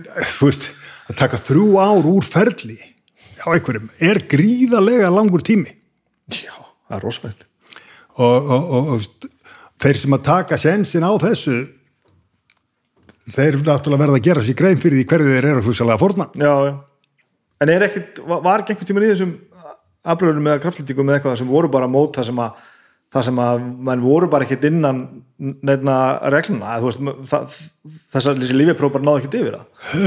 Var ekki- það er náttúrulega alltaf einhver mót inn, inn, inn á milli já, sem að eru er ekki e, svoleiðis er ekki gert, skilur veist, á sterkastum er heims er tekið algjört heilsufarstest. Já, og menn þurfa að gangast undir, þú veist, það er bara, þú veist, ef það finnst eitthvað í þér, þá er það bara sendur heim. Já, það er bara svo leiðis Já. já, já. og, og, og meira segja, sko, þeir fundu það eitt, hann var ennþá með hvað heitir hérna malari, í sér að þengi malari það var ennþá í honum, senda bara heim. Já, já, það er ekki drugl skilu og, og, þú veist, hefur fundist am- am- amfetamin leifar í einum, hann var sendur heim. Þú veist, það, það þú tekur ekki neitt sjens á því, þú vilt ekki taka einhver sjens á því einhver detti döður í keppninni hjá þér sko. Nei, nei, nákvæmlega, nákvæmlega. Og hérna en, en það, svo eru svona náttúrulega minni mót í heiminum skilur þú veist, þessi er að halda mót sko, þetta eru bara einhverju lokal skilur áhuga menn eða eitthvað sem er að halda mót. Og mót er kannski þú veist, ber það ekkert að vera, að kaupa fullt af prófum nei, nei, já, ég skil ekki, ég skil ekki það kannski bara er ekki það mikil peningur í í, í, í hérna kassanum fyrir það sko. En svona, svona þessi helstu mót og svona eru yfirleitt prófuð. Uh, og ef þú ert að gera eitthvað svona það náttúrulega finnst það í þér í býsna marga mánuði. Já, þannig að ef þú gerir eitthvað svona fyrir eitthvað eitt sérmót að þá átt, áttu að vera hægt að teki bara að næsta móti. Þannig að þess að segja, ég get ekki sva- svara fyrir aðra. Nei, nei, ég en uh, ég get bara, bara svara fyrir mig og, og þess að segja, ég held ég fyrir ég var alltaf, ég lenda alltaf í úrtaki, ég var alltaf bara, ég skildi þetta ekki. Og hérna og ég stóðst alltaf mín próf þannig að hérna. En þú svona með þessa, þú veist, þín, þína reynslu insýn, þú veist, keppandi, þjálfari búin að vera út um allt, þekkir þetta allt búin að æfa með öllum og öllu. Koma aldrei mómentið þar sem þú sérði einhvern sem er við hliðina á þeirra að keppa eða að keppa mótið sér út að dæma eitthvað og þú svona farið á tilfinninguna bara það er eitthvað ekki hérna sem að er eðlilegt. Af því þú veist, þú ert vantalega bara með eina mestur reynslu í heiminum sko. Jú, jú, þú veist, auðvitað, þú veist, verður maður stundum, stundum hugsi Já. en veist, það, það er ekki mitt að dæma Nei, og mikið er sammálaðir sko. en, en þessi umræða og býnum gaman að við skildum komast inn á þetta hérna að þegar maður finnst þetta sundum svolítið þreytt sko.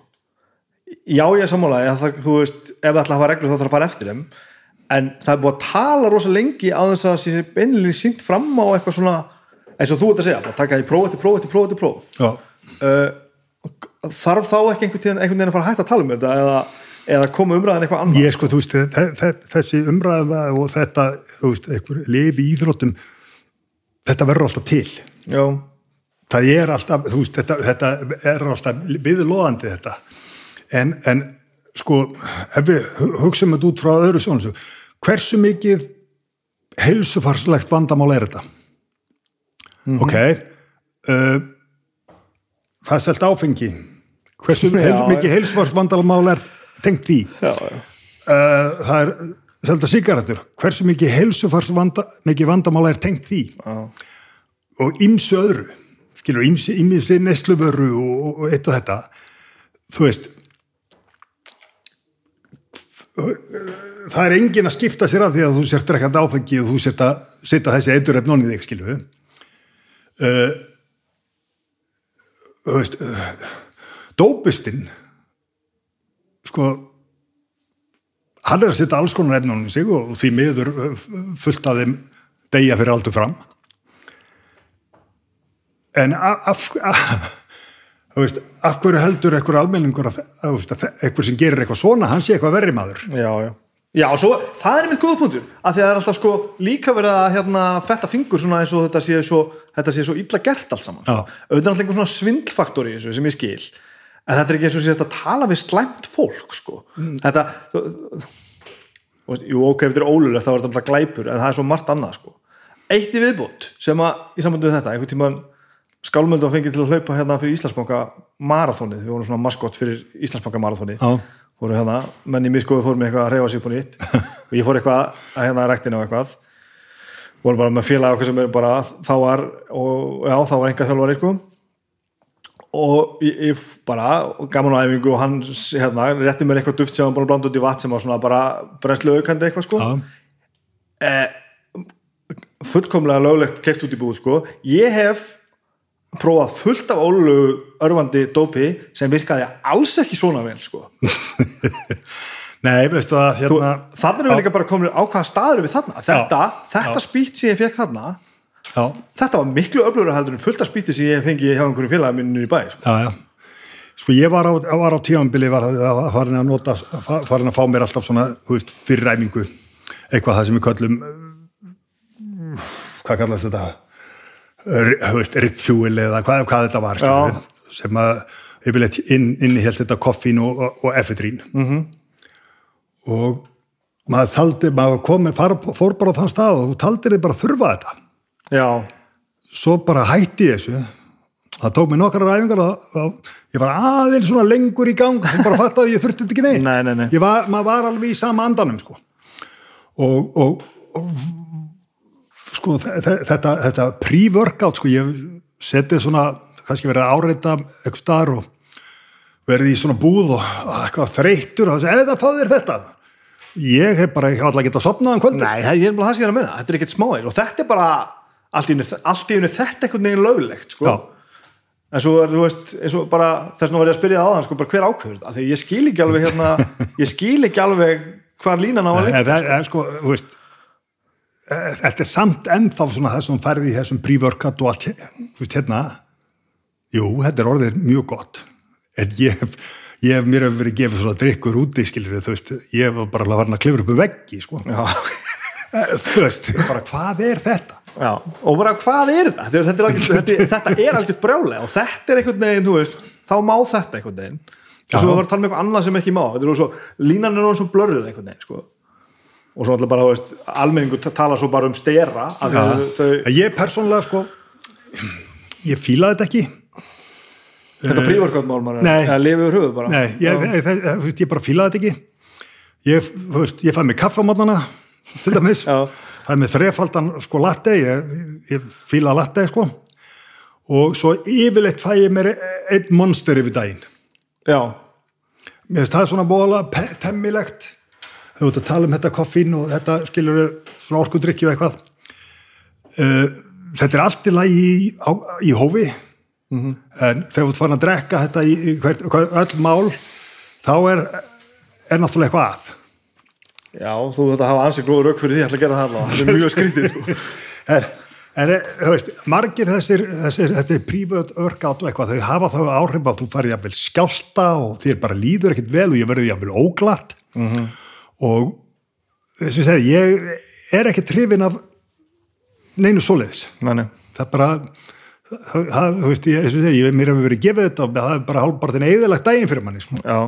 já, ég bara ég man bara, mér fannst þetta bara rjálað sko. Já, og, og einhvern veginn ein- einmitt að því að að geta bórað þetta saman við eitthvað sem er kólólulegt bara þú veist, hver, hvernig er þetta í lagi en ekki þetta hér, ég skil, nú skil ég ekki já, rök, já, rökin sko. já, já. En það er sko, það er alltaf þetta ég, kannski er það bara fyrir að ríki er ekki fáin einn að skatta því Já, þú veist, það, það, mann liggur við að halda að það sé svoleiðis, nokkulega. sko. En þú sér það, þú veist, eh, þú veist, út í heimi þeir eru búin að löguleiða, sko, þú veist, Mariana og, Já, já. og þetta skilur og þá er ríkið að taka til sín. Þeir eru að taka í formi skatta og, og hérna reyndar er ég mjög hrifin af og CBD sem er sem er sko já. eh, og, og, og vörum, vörum tengdu því. Þetta, þetta gerir þér bóla gott. Þetta er mjög gott sko fyrir svefni, þetta er mjög gott eftir æfingu. Þetta er ekki borðilega löglegt? Af því þetta kemur af sömu plöntunni Já, þá er, er, er, eru ráðamenn hérna en þá sko að þetta fingur út. Það er, er engin veist, vímu áhrif af þessu á neitt hátt, þetta er, er tekið úr þessu. Allt sem á að gera er gott. Sumir vilja meina sér að þeir hafi bara læknast að krabba minni með því að taka þetta.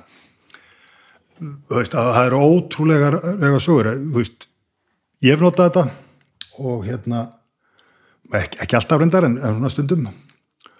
Og þetta hefur stilt maður rosalega vel af. Kvílis betur svefni og hérna ég hef ekki fundið neitt sko að þessu. Nei. Ég hef, en þú veist, ekki, ekki sem ég get sett út á. Eh, ég þetta var að taka þetta út af, út af verkjum líka. Þetta á að hafa góð áhrif á alls konar verki og svona, þú veist, ég vil lið, liðverki og, taugaverki og hitt og þetta. Og mér fannst þetta hjálpa. Já, þú veist, að, að hvað er verra að gefa fólki þetta heldur en að vera að gefa þeim sko baneitu verkjalif já, já það komið þetta þessu sko. Þetta er mjög fyrirlegt sko.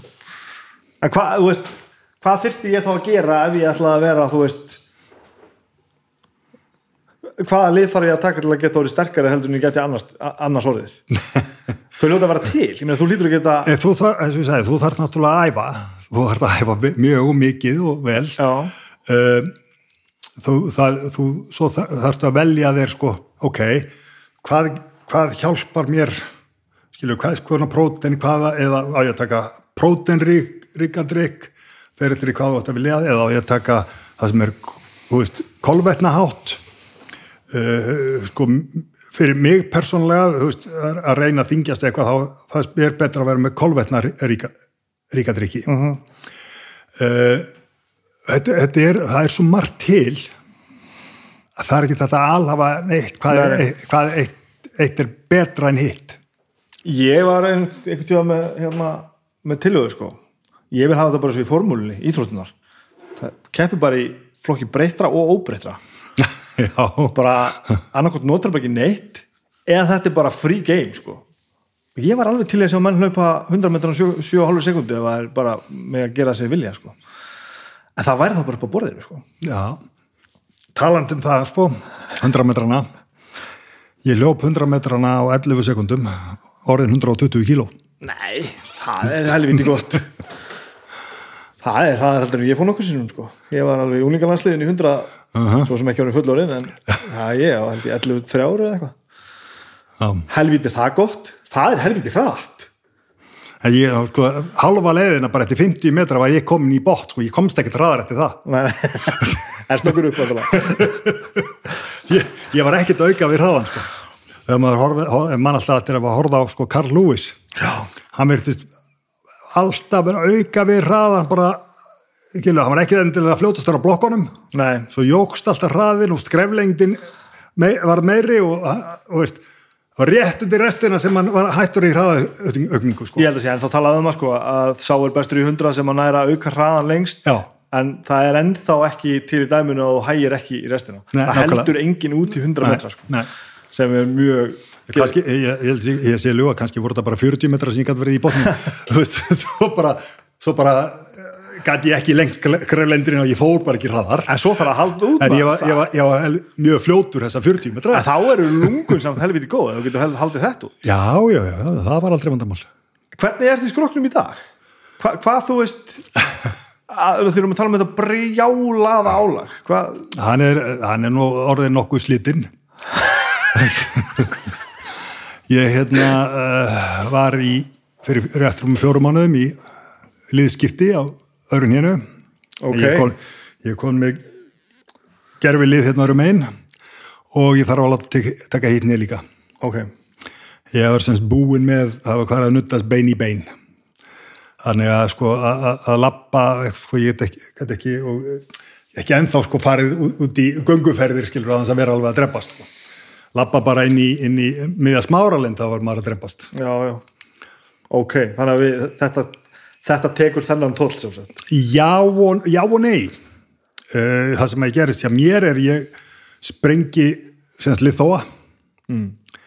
og liðþóin er þarna á milli og þegar að, að, hann er farin hann er demparinn þarna á milli í, í, í hénu og þegar hann er farin þá fer, þetta að nuttast bara brjósk í brjósk. Og svo endar á því að fara í gegnum brjóskið. En þetta tekið mörg ár. Uh, veist, menn, menn sprengja liðþóa í hinn og þessu skilur veist, hverju sem er í stökkum þú veist bara- svo veit ég bara fólk hefur sprengt liðþóa bara á þess að vera neinum íþróttum. Mm. þannig að svona miða við það og miða við að, að, allt sem að ég hef gert á þessum hjálma þá er, þetta nú hvað, átrúlega hvað þau hafa ennst lengi sko. En eh, og hann er svolítið að ég, þegar ég var 18 ára eða eitthvað svo leiðis var, að- var að lifta þannig fyrst þá pekki vatn í liðin í nénu það þurfti að tapa af þessu og, og, og, og eða einhverju hvítu vöka sem ég held nú að hafi verið kortisona eða eitthvað inn í, inn í liðin sko. Það láta gróa og það var smá vandamál svona fyrst þegar ég var að hekkast að liðverki í nén sko. Og læknirinn sað þá var á, á seðisfyrir saði bara að ég bara með lélinn hér, ónýtt hér en það var nú gert mert á þeim eftir það. Já. Það er auðvitað að segja þetta. En er þetta almennt uh, liftingafólk eh, endar þetta á því að það er farið að slitna þessum fyrir aldur fram?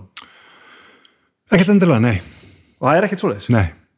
Þáttur við þetta yfirgengilega álag? Sko, ég- veist öðru leiti hef ég verið tiltölulega heppin flest allir liðir aðrir eru maður, þú veist, ég meiti mig hérna fyrir nokkur, nokkrum árum bara að taka backpressu allt í einu og ég gæti ekki sko tekið, ég gæti ekki einu sinni tekið tóma stöng sko í sex, sex mánuði.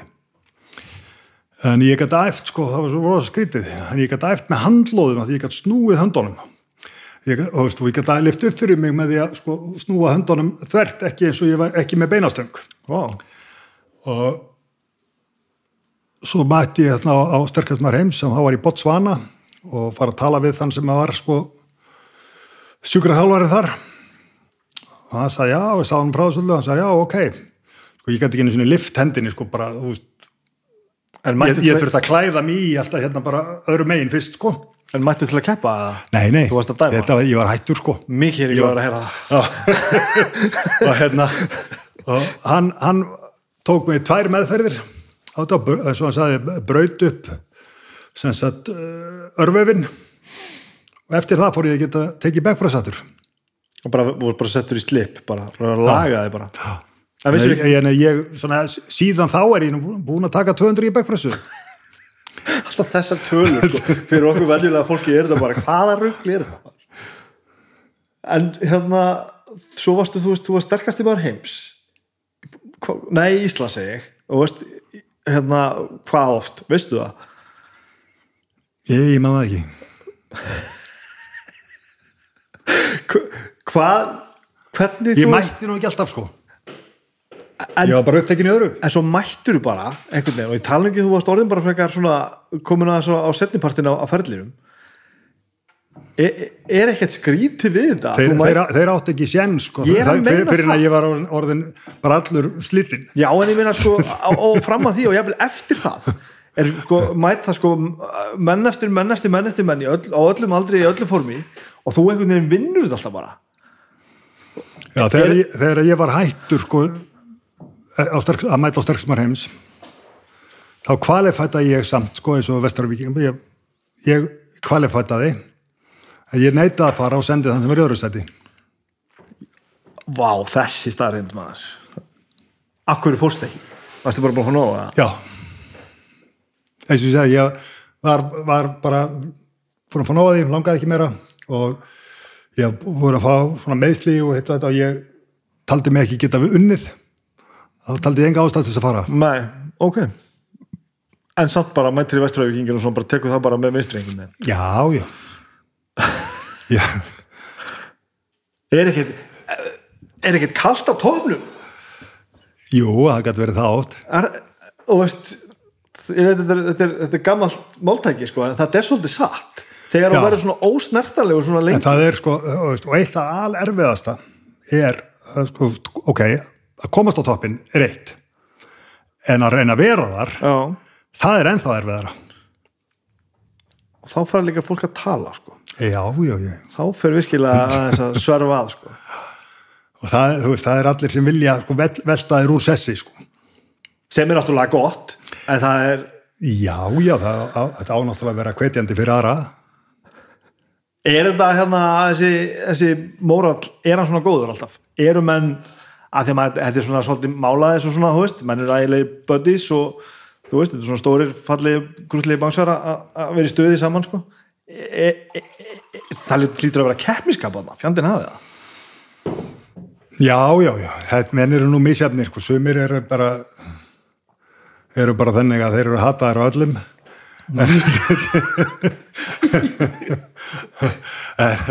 þú veist, það er hérna, njæ, sko, veist, yfirleitt, yfirleitt er þetta bara, eru menn gó, góðir félagar, skilju, þú veist, það, vegna þess að þeir vita allir hvað þið verða að gera, hvað þú ert að gangi í gegnum því að þú ert að gera, gangi í gegnum það sama. Já, já, og þú veist alveg þú, veist, þú, þú, þú vilt vinna sko, þú vilt vinna þú vilt ekki vinna að fá eitthvað af því að hinn bara meittist eða þú veist ekki, þú vilt ekki vinna þannig. Nei. Þú vilt vinna að hinn hafi náða þú veist performað þannig að þú getur sínt og sannað að þú sért betri. Þú varst bara betri en hann. Já. já, já, og, og það er, þú veist, það er allir búin að gangi gegnum meðslíðis og það er allir skilur, þú veist samum með mönnum með þeir meðast þetta er mjög uník heimur sem þú ert að lýsa sko. þetta er mjög skemmtilegt að þá finnur svona glugga í það þetta svo, Já, þetta er, sko, þetta er kamerati í þessu var í, og bara á, á strax bara heims og allt er mun allt öðruvísi heldur en til og með sem maður mætti á Európmótið eitthvað í kraftlendingum þar satt hver í sínu hodni sko og horfðu hver á annan veist, þeir uppbyttun og svona töluðu varla saman sko. Áhugavert. Kannski eðlilegt, ég segi það ekki en samt býna áhugavert sko. ferðu svo beint úr bara því að keppa og ertu þá bara farin í þetta utanumhald og, og ráðgjöf og að dæma og allt þetta? Já, þetta svona já, kannski rann þetta bara saman. þetta svona þróaðist einhvern meginn yfir í það. Ég hérna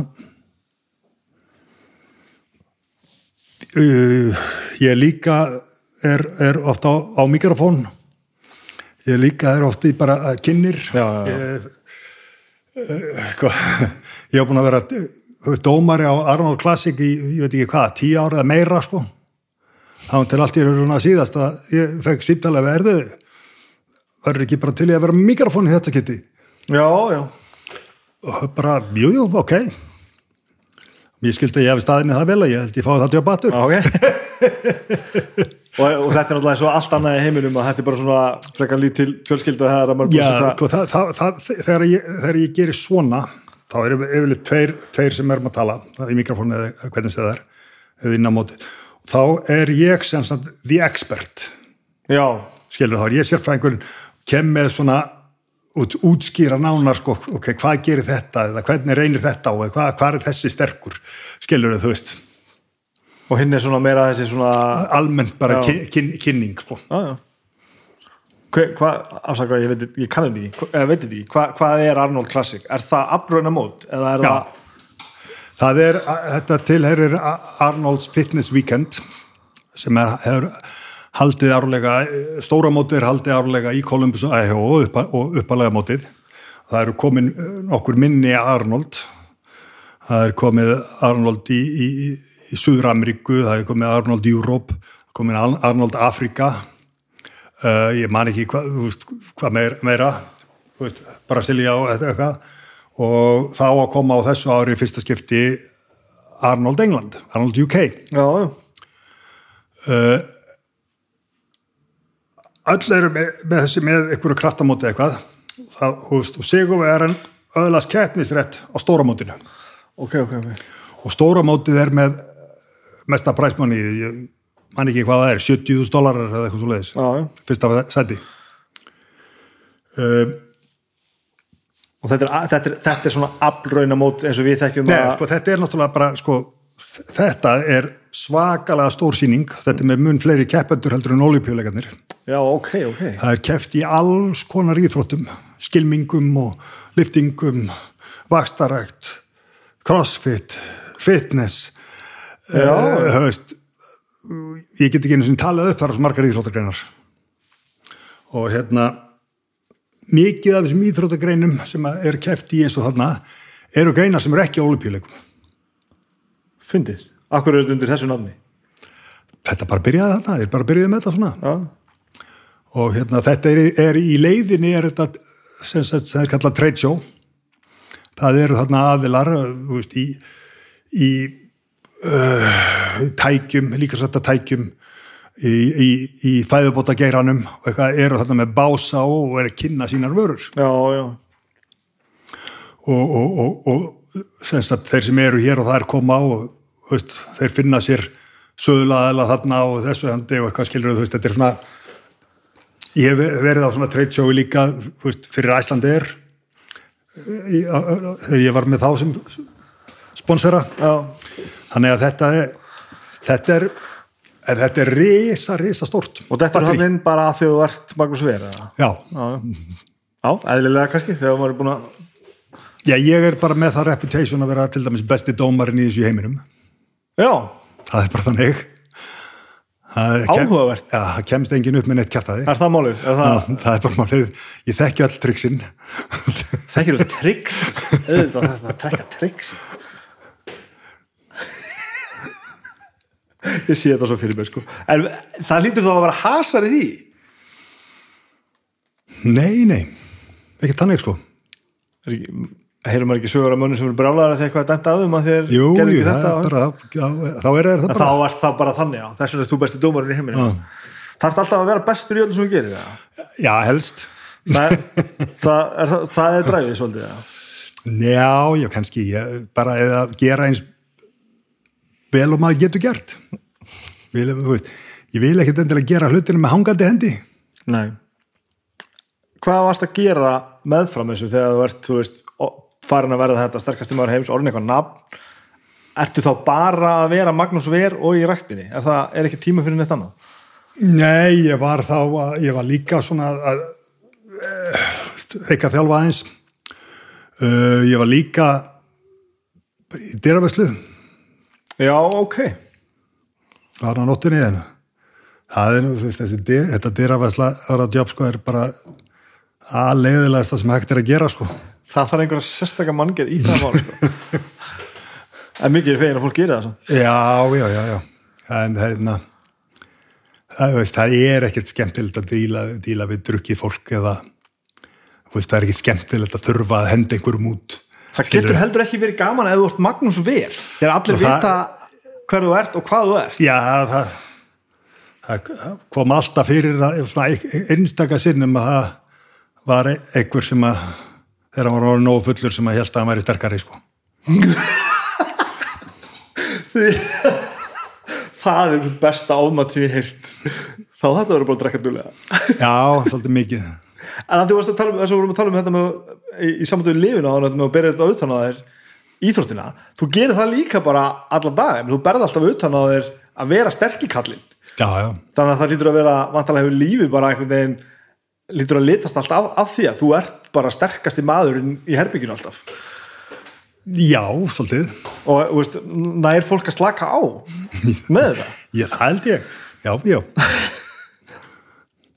að að veist, þetta er mjög ekstrím og mikið sko. Já, þetta er þetta er mikið en ég er bara þess utan er ég bara sko bennilega maður sko. Já, en ég er kannski ég myndi að menna það, það það er kannski það sem að fólk á stundum er svolítið erut með að tilhenga sér. En fólk á ofta erfitt með að setja greinamenn þarna á milli. Já, og finnur þú fyrir því? Nei, nei, ekki, ekki, ekki, veist, lengur ekki þannig. Ég veit ekki, ég veist, lærði mjög fljótt einhvern meginn bara að leiða hlutina hjá mér. Já, Já, veist, þetta, veist, uh, veist, maður kom eitthvað staðar og það var einhver fullur og það var alltaf að fara að tala um sjómann og, þú veist, Einmitt ég sagði, ég, þú veist, ég sagði, nei, þú þú ert svo hrikalur, ég þór ekki í þig. já, já, já, veist, já, já. En Þetta svo ef menn voru mjög erfið sagði, ok, ég sagði, legðu undir penning. Það, akkur, ég, ætla ekki að gera þetta frýtt. Það var einstakar tilfellin sem að menn lögðu, lögðu undir penning og þeir sá þann penning aldrei aftur. Nei, en þeir fengi alltaf að fara í sjómann það er, það er eitthvað en það sé, ég, úst, maður lítur líka að spyrja sig að þessu að því að þú veist í talningum á Íslandi, en bara í öllum, öllum heiminn þú ert einhvern veginn svona holdgerfingur einhver sem að fólk, sem að rosalega margir af kallkinninu sækist eftir eða horfir á þú ert alltaf, þú veist, að vera sterkasti maður í heimi er eitthvað svona, þú veist Já, það er sko, þú veist, það er nefnilega það er ótrúlega við það sko að að það er fullt af pöppum með eitthvað sem að horfir á eitthvað svona í sjóarpinu eitthvað og halda þær getið þetta. og alltaf geti þetta, já ok Já. það er frábært En, en er það líka allt í lægi að þeir segi, sko, bönnuna sínum að þeir getið þetta. Já, það er já. bara besta mál. Já. Þetta er rosalegu titill að bera sterkasti maður í heimi Þetta er bara svona eitthvað Þetta er, þetta er stórtitill. Já. Þetta er, þú veist, þetta, þetta, þú kemst ekkert lengra í aðbröðnum heldur en að vinna þennan titill. Nei, þetta er líka miklu meiri það Við erum að tala um sko að, að hetjusögur allra þjóða aftur í aldirnar og árþúsundin tala um sterkustu mennina Já, já. þannig að þú veist að hvað það varðar verður þetta svo Og Grettir Sterki og allir þessi allt þetta sko. Og þú ert einhvern veginn svona okkar tíma þessi gaur sko. Þannig að þú veist, maður hlýtur að spyrja sig bara litar þetta ekki lífið allt saman? Þú veist þú kannski þekkir það þekkir alltaf ekki annað, það Jú, jú, jú, jú, þetta er þetta, þetta er hérna uh, svolítið um, sko, það það það verður oft svona merkilegar upp á komur sko. Þú veist, ég lend, hef oft, lend oft fyrir því að ég, ég lend einhver staðar flugvelli kannski í Ameríku, New York til, þú veist þá er maður býðið til töskonu sko, maður fær svona miða einhvern, svo allt í einu kom einhverju tauir sko, er, þú veist, heyrðu, maður ma, ma sjá miðaðinn Já, heyrðu, já, ég sagði það, þetta er hann sko. Já. Svo er maður tekin sko, farin í- með mann inn á skrifstofu sko, ég þarf að heilsa öllum tollarunum. já, já, já, Og svo bara, já, farið hérna bara bak, bakdinnar.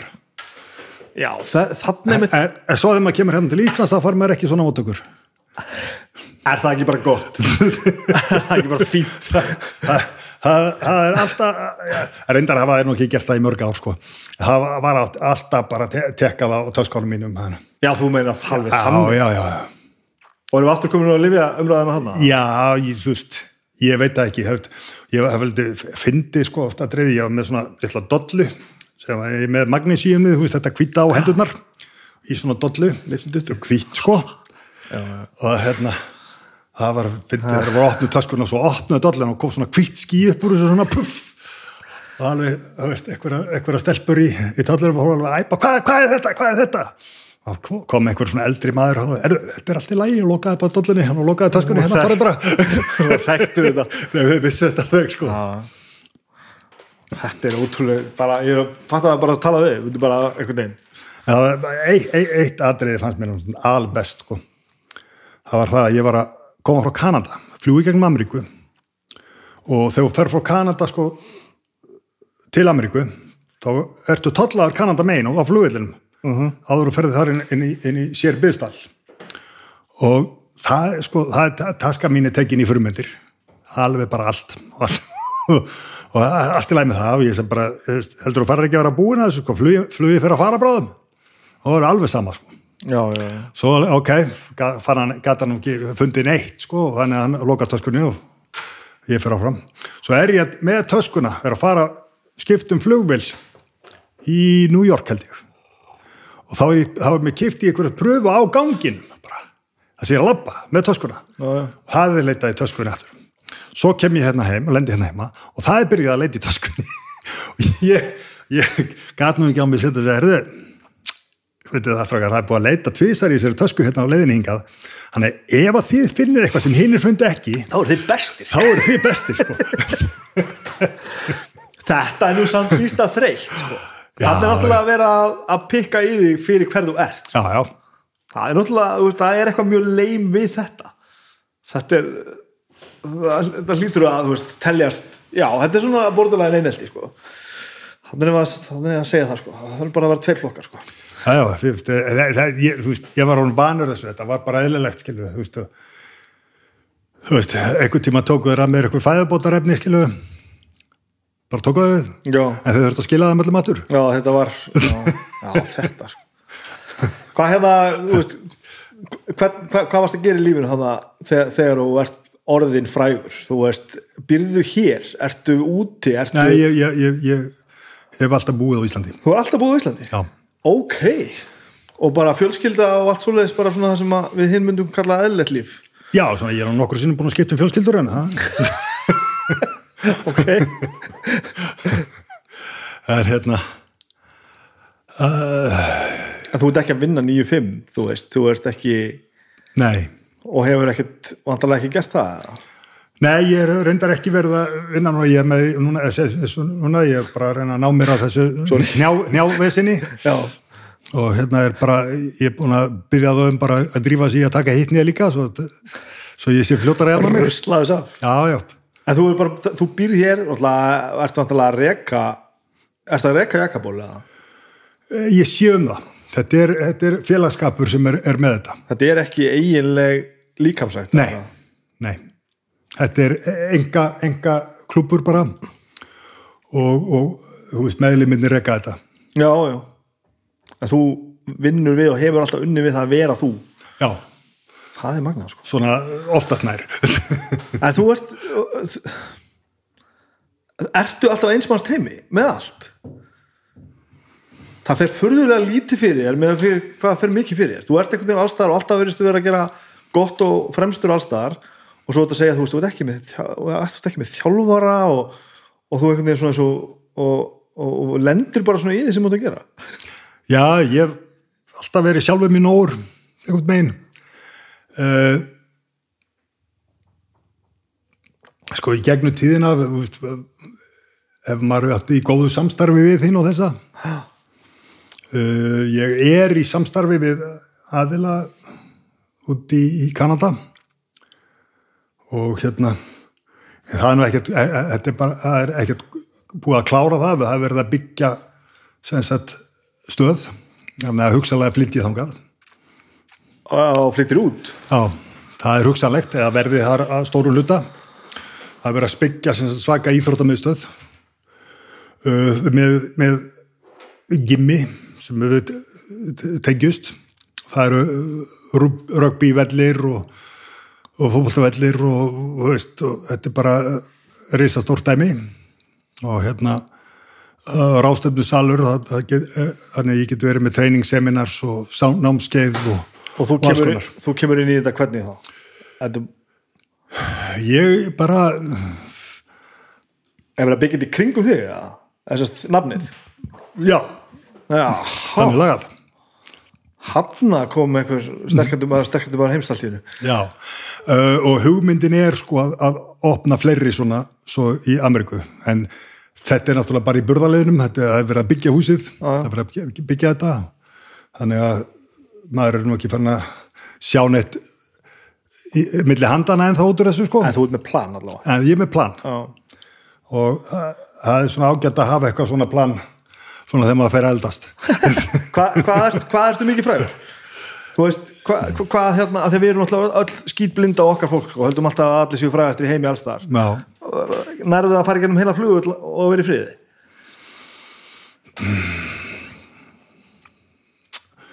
Nei. Nei, mér er bara grunaði það. Ég fór nefnilega eitthvað aðeins á stúðuna og skoða internetið og ég held að Íslendingar fatt ekki alveg hvað þú ert stort nafn. Nei, Og- þeir, og- þeir fatt það ekki það er svo leiðis og, og, og, og svolítið á fleiri stöðum en að ég hafi gert mig grein fyrir. E- ekki, ekki stöðum í heiminum heldur sko, það er íþróttafólk í sko fleiri íþróttagreinum en maður gerir, gerir sig grein fyrir. Já, og entertainment bransin veit, veit hverju ert líka. Já, það eru ógrunni af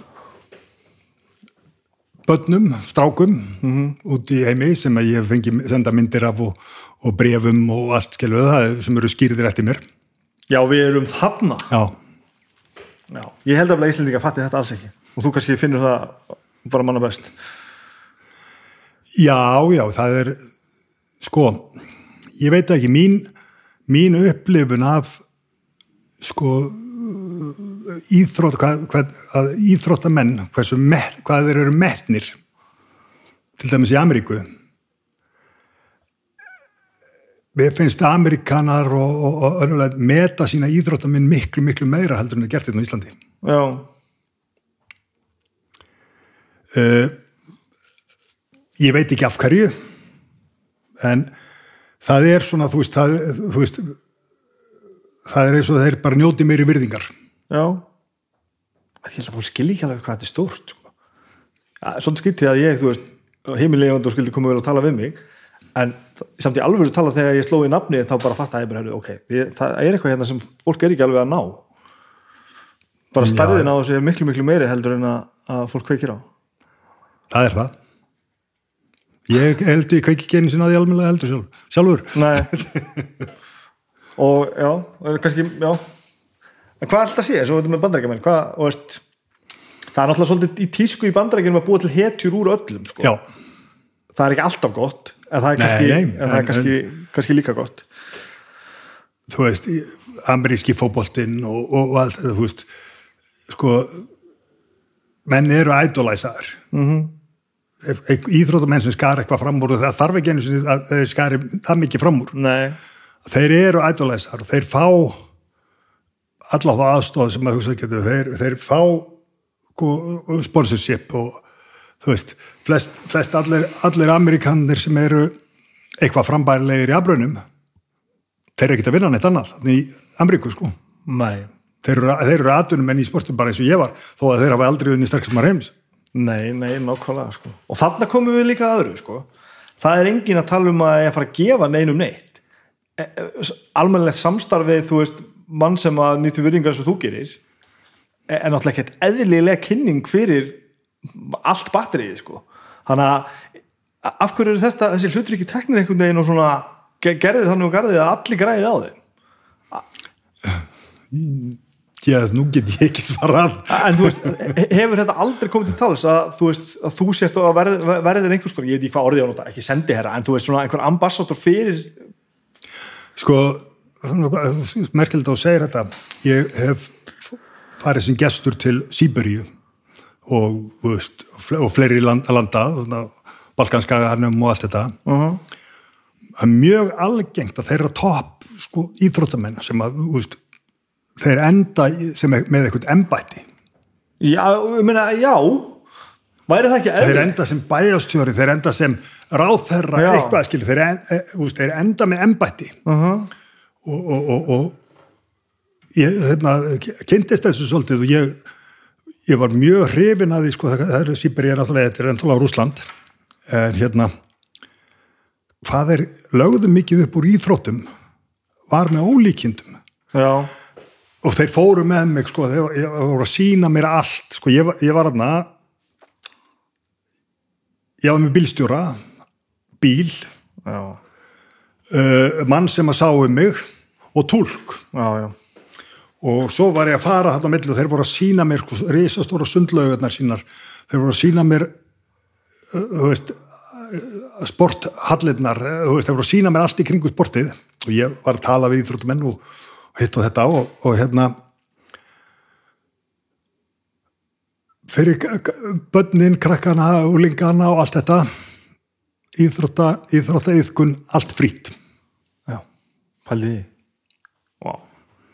Því þeir, þeir hvetja til á stundir íþróttir. Já. Maður hefði haldið að þurfti ekki að reikna þetta mjög langt að það sé gott fyrir alla. hérna þarf alltaf þú ert að setja barnið í fótbolta eða eitthvað skilur, þú ert, að, þú ert að borga helling fyrir þetta. Já, maður þarf að borga fucking helling og, Já. og, veist, og bara síðasta sem maður vil gera er að að velja þú veist hvað barni má gera og ekki gera. Ég og maður bara pungar út því sem þarf en fokk hvað þetta getur orðið mikil peningum það, það var þetta sem ég var mjög hrifin að þeim hvað, þú veist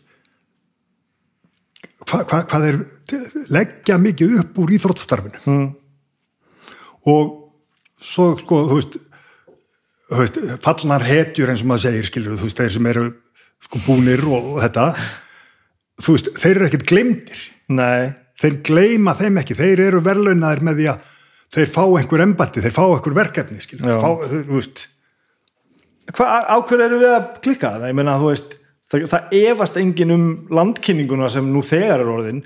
Af hverju eru við til með ekki að vörka þig sem, þú veist, og ég er alltaf að vinna á ölsingastofu, en heilin er alltaf, hann, hann virkar svona, en ég meina, ég bara, veist, bara þessum tímyndu sem liðna sem við nefndum þetta, sko, ég geti smíðað sko, struktúruutram þetta á, á einum degi og við getum farið í sko, business sem allir myndu græða á, sko. Já, það, þú veist, ég veit það ekki, kannski,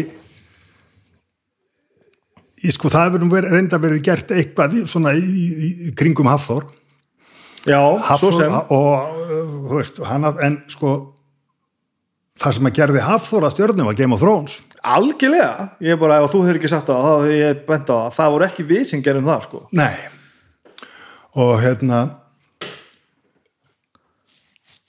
þú veist, hann er að gera mjög vel. Já, já, já, þú já, veist, já. gengur Og, vel í ánum og, og hérna ég held að hann, hann sé já, ég meina, hann á að fá miljón dollara fyrir, fyrir þennan boksbardaga já, vel gert, þú veist. Svo, þetta er að skemmtilegt. það það að fer inn í hennar ring og, og lætur lemja sig í klassu Þú er ekki trúð á þessu. Ég held að, mér, ekki, mér finnst það eins og þetta, hann sé bara labbi í kynljónsins. Já, ég er svo sem hefur ekki fulla einsýn í, í þetta en, en já, já, en ef hann fær miljón dólar, þá ok.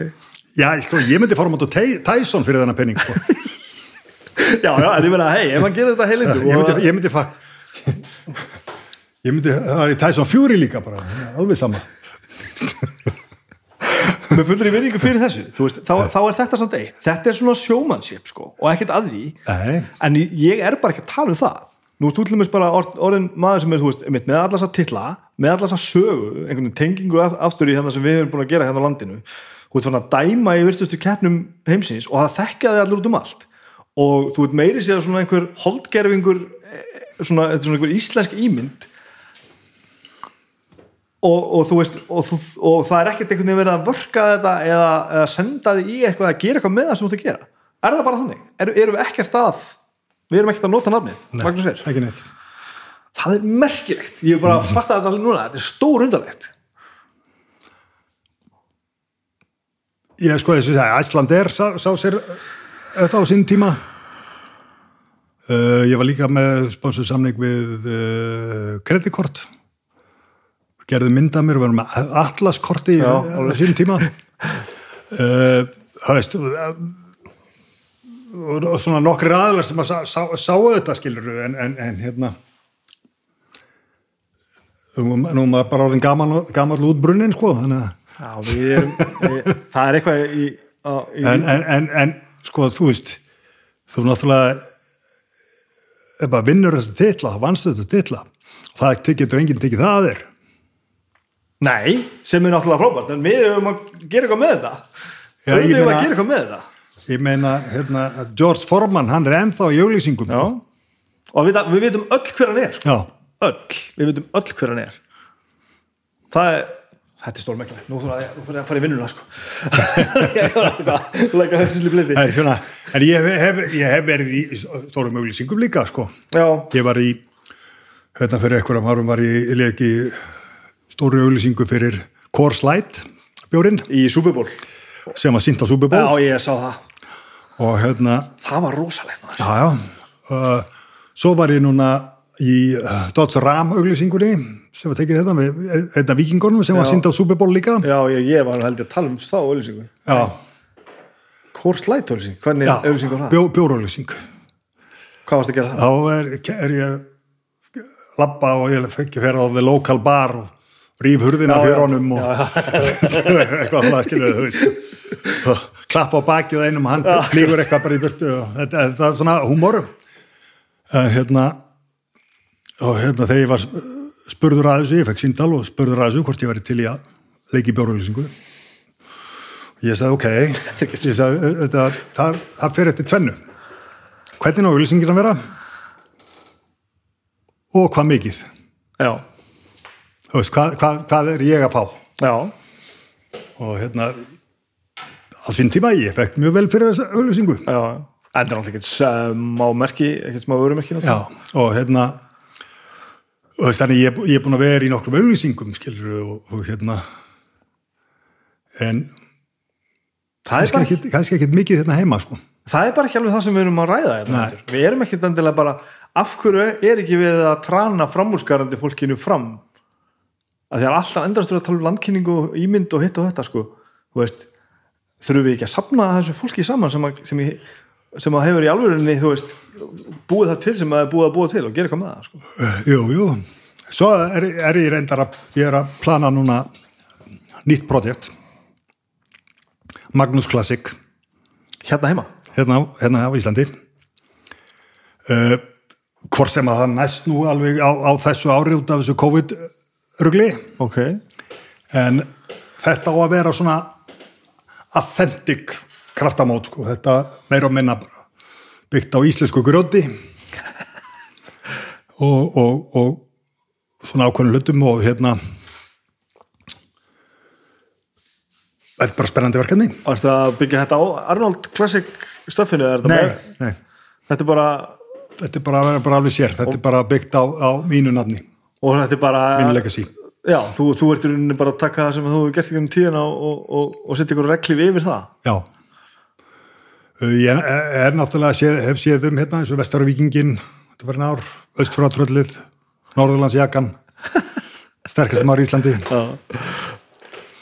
Um, þannig að, það er þetta branda sjálfa það líka? Já, já, já, já, þú ert lúmsku businessman, ég heyra það. Það er svona leikur svona smátt og smátt í gegn. Þú ert alveg, þú ert með, þú ert með eitthvað plan. Já, já, með, ég er með plan. Plöninga, það hef ekki alltaf gengið upp en, en, en maður allavega, allavega, þú veist, reynir eitthvað. já, að hérna við vorum með, vorum með búin að vera eiga við vörumerki í þessum hérna þessum uh, sem líka æfingatækja gera mm. sem er, er evróst eða týst vörumerki og við ætlum að vorum búin að semja við þá og ætlum að taka þetta til Norður-Ameríku og, og hafa búið að taka eitt gám út svona að pröfa á að sjá hvernig þetta kemur út og það kom ekki náttúrulega, þannig að við viljum, viljum framleiða þetta bara í, í Ameríku, í Norður-Ameríku. Það kostar alltaf mikið í tollum að alltaf fá þetta yfir skilju já, og en uh, þetta endar sannlega með því að þeir eru bara að draga lappirnar og eitthvað skilu þetta endar með því að þetta verður bara sannlega bara NVFM já. Ha, eða, bara, veist, lína bara, við komum bara með nýja línu. Já, það er bara svoleiðis.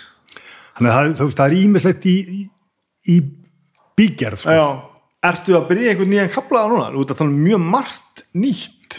Já, það er veist, þetta er svona þú veist, eh, þú veist, því miður að veist, það tekur ákveðin tíma reyna að koma þessu öll í gang og byggja þetta og skilur við og hérna uh, hugmyndin er svo að það verði fleiri svona um Norður-Ameríku ferði svona æfingastöðar í rauninni. FM, þetta er gott. Og hérna sem að sem að verða undir þessu, þessu brandi. Og sem ég þá mun, þá heimsækja veist, annars lægið að koma þú veist, og taka námskeið og kenna fólki og þetta er svona gróflega hugmyndin. En þú nennir að vera hérna heima að skipulegja það að vera aflurinn á móti þínu nafni þú veist, þú ert ég, ég veistu það, það er ég hef ennþá gaman að þessu. Já. það skýn samt svo frábæli í gegn. Og, og, og ef að ég væri ekki að, að þessu þá væri bara ekkert að gerast í þessu. En það er bara þannig. Þannig að veist, ég var eitthvað að hugsa um að hætta þegar hérna, kreppan skall af okkur og allt þetta skilja, þegar ég nefni þessu ekki skilja, ég bara, veist þá hérna báðu strákvæðin mig bara í guðana bæri með ekki hætta. Já, annars fer þetta bara. Já, en er nóg að mönnum að stunda þetta heima? Já, já. Það er alveg þokkalegu fjöldi. Vantar bara framkvæmda fólk til þess að halda þessu ganginni ég þú veist, það er ekkit margir sem að sko, það er meira en að, að segja það að halda eitt svona mót. Já, já, eitt svona mót kostar 2 miljónir auðvitað. Auðvitað. Ætlar að fá erlendagesti á, á þetta já, nýja? já, já. það ætlar hann að gera Já, já, það verður í, í, í, í sablað við, við einhverja íslendinga ok og hérna þetta verður rosalega gaman og, og hugmyndin er að svona livestreama þessu eða hálf livestreama þessu Hvað þýr það? það er það að þú kannski tekur þetta upp það mútið kannski og það er sínt sko í rauninni bara daginn eftir Já, og já. búið að kött út byggtímana sko. Já, já, já, já, já Já, þetta er svolítið svona, svona þá ertu svona að fá þetta hálf livestreama sko. þetta, þetta þetta var þetta fyrir út Já. og hérna var á svoleiðis mótið daginn og það kom rosalega vel út mjög sniðut og við við taka þetta í gegnum gegnum hérna Giants Life sem að eru með gríðalega mikið af fylgjendum og, og afskriftum og allt það skilu þannig að hérna veist, maður er að fá miklu meira á þetta fer kannski í, í, í síningu hérna í sjónvarpi skilu en við erum að fá miklu, miklu, miklu meira áhorf Já. heldur en að búa til eitthvað venjulegan sjónvarstátt já, já, það var einmitt eitt af því sem ég sá núna sko. hvað er þeir fóru að mynda bara, að mynda googla sko. hvað fylgjenda hópurinn er risastór Já. kultúrin í kringum þetta er Já. hjút er, er þetta ekki orðið sko margfalt á það sem þetta var þegar þú varst, varst í þessu? Já, það var náttúrulega ekkert social media þá. Nei, en ég meina það er kannski svolítið erfitt að það saman. maður, ef að það hefði verið þá þá hefði maður kannski getað gert eitthvað úr þessu eins og strákar er að gera í dag. Já, já, nákvæmlega, nákvæmlega. Og hérna en það ég hef það er ákveðnar hugmyndir í gangi og, og hérna vonandi bara ganga þær eftir og á á hvað, þú veist, á, á hvað ert að reka þig? Ég finn þetta ekki alveg sjálfsagt veist, hva, hvar, hvar eru þú veist hvar eru hindrandan í þessu? Er þetta peningamála, það er yfirleitt, er það eh, að finna nóg fjármagn. Það er svo leiðis, það, er- það er það já, já, finna, að fá nóg mikið af sponsorum skilju ok, veist, þetta, þetta kostar hellingspenning og, og hérna. Þarna til dæmis komum við að því að er þú, ekkert, má- ég get alveg haldið mót skilju en að sko að kosta það og þú sért með eitthvað smá verðlunapenning og þú sért að skilju þú er og, og von, vonandi að þú fáir eitthvað fyrir vinnuna þína skilju komum við að því að mér finnst að skytta að sé ekki verið að greiða götu til dæmis þína fyrir því að gera þetta hérna heima. Að þú veist, margfaldur sterkasti maður heims ég bara að hljóma þessu í sig einhver plögg þetta hérna. En bara, þau voru að segja það þetta er svo, þetta svo augljóst sko. Af hverju er ekki verið að plögga það að þú gamli hundurinn sért með með mót á Íslandi. Ímyndaðar aðteklar sem þetta getur fengið. Ef að, veist, ef að, ef að Hörðu, ég held uh, mót fyrir nokkrum árum. Eitt svona Giants Live mót. Já, uh, þá var reyndar Eurosport að sína, sína þessi mót. Ok. og þetta fór í, í, á Eurosport. En merkilega af öllum Giants Live mótunum þeir eru að gera mjög flott mót inni með ljósa sjófi og alls konar. Við vorum með þetta á, á, kringum sjómanandaselgina í, í Grindavík. Íslenski þátturinn, íslenska sjóið. Lang mesta áhorfið á YouTube. Já það er það sem ég er að meina. Að og þú þarft ekki að vera einhver markas sérfræðingur til þess að sjá að auðvitað er þetta svona. Það er svona. Þetta er bein tenging sko. og það, það, er, það er það sem ég sko. vil gera sko, þegar ég er að halda svona mót og þessi ég held ekstra viking og allt. Veist, ég er ekki bara að halda eitthvað mót í, í, á einhverju ég, þú veist, ég er að, að kynna landið. Við erum alltaf að gera sko hálfgerðan túrista þátt í leiðinni. Já, kynningu. Já, og, og, og, merkilega staði og, og, og samúlarn hefur alltaf verið alveg snill, snillingur Já. að- sko vera kynir og ta- tala inn á þetta og þetta er það sem ég, er, ég vil alltaf leggja út, út með að maður sé að kynna og sína hvað er að gerast veist, maður er að koma kannski á eitthvað stað út á landi og, og er, þeir eru með eitthvað risal flott þessi- skilur við, sínum það Skilur við, frábær, já, sko. Og, og þetta er það sem að gerir sko okkar þætti bara frábrugna öllu öðru sem hefur reynd að gera hérna. Varstu að hugsa maður að, að, að, að færa þetta þá yfir og ég er að hugsa þetta sama með, með þetta en með sagt Michael Classic. Uh, það á að byrja á heimsmeistaramóti að lifta steinum með fru haus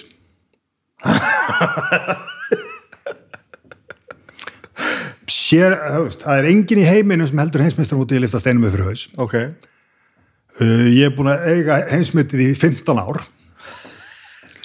Uh, Eithor Ingolfsson Melstedt bætti það síðast, á síðast ári Ok. um eitt kíló. Þannig að það var svona, við vorum ég var að, að vera að renna í gegnum þetta svona að prófa þetta, sjá hvernig þetta virkaði allt og finna steinan í þetta og svona. Og hérna þannig að veist, þetta, þetta á að vera svona hrátt, náttúrulegt skilur e, e, veist, ekki endilega allt smíðað í, og, og, og perfect balance er úr, úr játni svo er er ég að fá líka til landsins sem búið að gera fyrir mig í Írlandi eru svona drömbar til þess að lifta fyrir höfuð. Ok, hann er búin að gera tvo drömba, það er búið að skera þá út með rúnum og hitt og þetta með veist, mínu sérkenni á eitthvað. Og tveir svoleiðis er eins. Og það eru sagt, Magnús drömbarnir og svo vildi hann endilega bæta við einum Jómpálströmbi líka. Og sko þessir hinnir eru ykkur, hvað er 90-100 kíló? Fáður Jómpálströmburinn er 165 kíló tómur og það er að því að það var heimsmyndi sem Jón Pál setti í drömbalift á sín tíma, 165 og þetta er, og, þessi, þetta er algjört listaverk. Og sko endarnir eru svona þykkari, stærri og inn, og grafa sko inn í þá, inn í það er hægt að stinga lóðum. Þetta er alveg gríðarlega flott, þetta er bara listaverk. Og þess, þessum hlutum vil ég sitta inn í þetta mót líka allt sem þú ert að segja núna er svo mikið landkynningar agn, sko, það er að gera svo mikið við það að ég held að fólk verði að verða að fatta það, sko. Já, uh, ég er að, er að fá í, í lið með mér mann sem að er mjög vel tengdur. Ok, þess að, að, að hérna, aðstofa mig við að láta þetta verða veruleika. Þannig að hérna Þetta er frábært. þetta er, þetta er, það er ímestlega spennandi en það, þú veist maður verður að hafa gaman að þessu. Þetta, þetta er rosa svona þetta er mjög hrein og tær og bein hugmynd. Það er ekkit, þú ert ekkit að flækja þetta með einhverju, einhverju flugöldarsýningum, það er bara mjög íslensk Já, ég, Authentic. ég, ég let gera sko svona bondagöngu til dæmis í fyrra ég prófaði, úr Stulabergi og setti handfeng á, á tö- Stulaberg skilur það er geggjað törf sko, þetta var rosalega erfitt þetta, fyrir menn sko. Það vannst á einhverja tu- þú veist, 20 metra held ég. Já, ég held að, ég man ekki hvort einhver kom, það komst engin annar yfir 10 metra sko. Já, ok. Svo er hugmyndin að vera með sko, steinatök upp á öxl. Þannig kannski fjóra-fimm steina þú bara, þetta er á tíma. Í staðin fyrir að vera saðað upp á pall Já. það var miklu meira sko gamaldags að þú setti steinin upp á öxl já, nefnitt þetta nú er markasheilin í mér bara að fara á, á, á 5000 sko. Þetta er algjörlega geðveikt. Þetta er magnað. Og, og, og þú veist, það er allir allir alltaf með sko veist, kúlusteina. Uh, þú veist, eitthvað slegis ég vil bara hafa náttúrusteina. Þú ert líka að tala um það sem við vorum að tala um þetta fyrir, fyrir ekki, þreymur tímum eitthvað. Að hérna, þetta sem að þú veist þetta er allt orðið ferkandað og beint. Já, ég nefndi að horfa á þetta þegar það voru bara einhver, einhver, einhver, einhver, einhver tröll. Ég vil hafa þetta náttúrulegt. Ég vil taka þetta veist, utan dyra. Já, Ég vil fara upp í, við prófum þetta líka mótur við fyrra, sko, fórum upp í húsafell, tókum húsafellina þar sem á að bera hana, þar sem hún á heima. Að þessi hlutir maður. Og, og sögundar sem þetta er að segja í kringum þetta. Ég nákvæmlega, minn hug- hugmynd er að gera þetta svona, að fara kannski fyrsta dag upp í húsafell, þá verum við með sko steinan upp fyrir haus þar líka, staðar. Og, og veist, gerum þetta svolítið alvöru, koma svo til Reykjavíkur kannski, uh, við erum búin að gera rosa flotta aðstöðu, erum, erum að vinna í eina þá upp í hérna, upp í skemmtigarðin, Grafói og þar erum við að búa til svona, veist, krafta aðstöðu, bara kraftagarð krafta og hérna, verðum með sko, hluta af, af stekja dæminu þar og, og, veist, og eitthvað aða þá. Verður menn látnið taka á einhverju þröndum og svona. Að hérna þe- þetta er allt hluti af bara, veist byggja upp stærri mynd. Stærri myndin er að kynna þetta fyrir útlendingum. Stærri myndin er að þetta Magnús Classic stækki og það verði konur farnar að keppa í þessu líka skilu og koma til landsins. Uh, jafnvel léttari þingdaflokkar Hvað er dræfið það að gera þetta? Er- Ertu bara, getur ekki verið kjurur eða ertu langar að kynna landi eða, eða Mér langar að gera það, mér langar að uh, þú veist, koma einhverju svona í gang sem er helst bara árlegt eða annarkvært ára eða hvað það er skilu sem að þó, þó að sem að er, verði haldið áfram eftir minn dag Á, ég fikk gæsa hóð Þetta er frábær hugmynd maður. Þetta er rosalegt. Þetta er svakalegt. Hvað erum við búin að tala lengi? Nú er ég að fara að verða bísna svangur sko. Já, það er bara, það er bara, það er eitt sem er langar þess að tala, tala við viðbútt Er ég að trubla, er ég, er ég, er ég að klikka hérna? Ég, Er ég, ég ég, að ég, út er að mjóka. Ég sé það, ert að hverfa.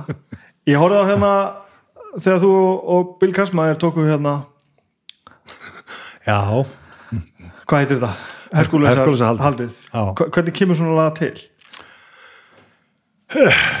þeir sem að hjá Giants Live Já. sem að halda, halda, halda, þetta mót þeir voru að fara í, í hérna sem sagt um, á Wembley, fyrsta skipti London og hann, að, þú veist miðasala var ekki alveg nógu góð Já, það veist, hring- hefur sambandið með verður til í þetta þú veist, bara og, og hérna, þú það hjálpa okkur að auka miðasölun og eitthvað. Ég sagði, já, já, ef, ef þið fáið kallin til þess, þá, þá, þá er ég til.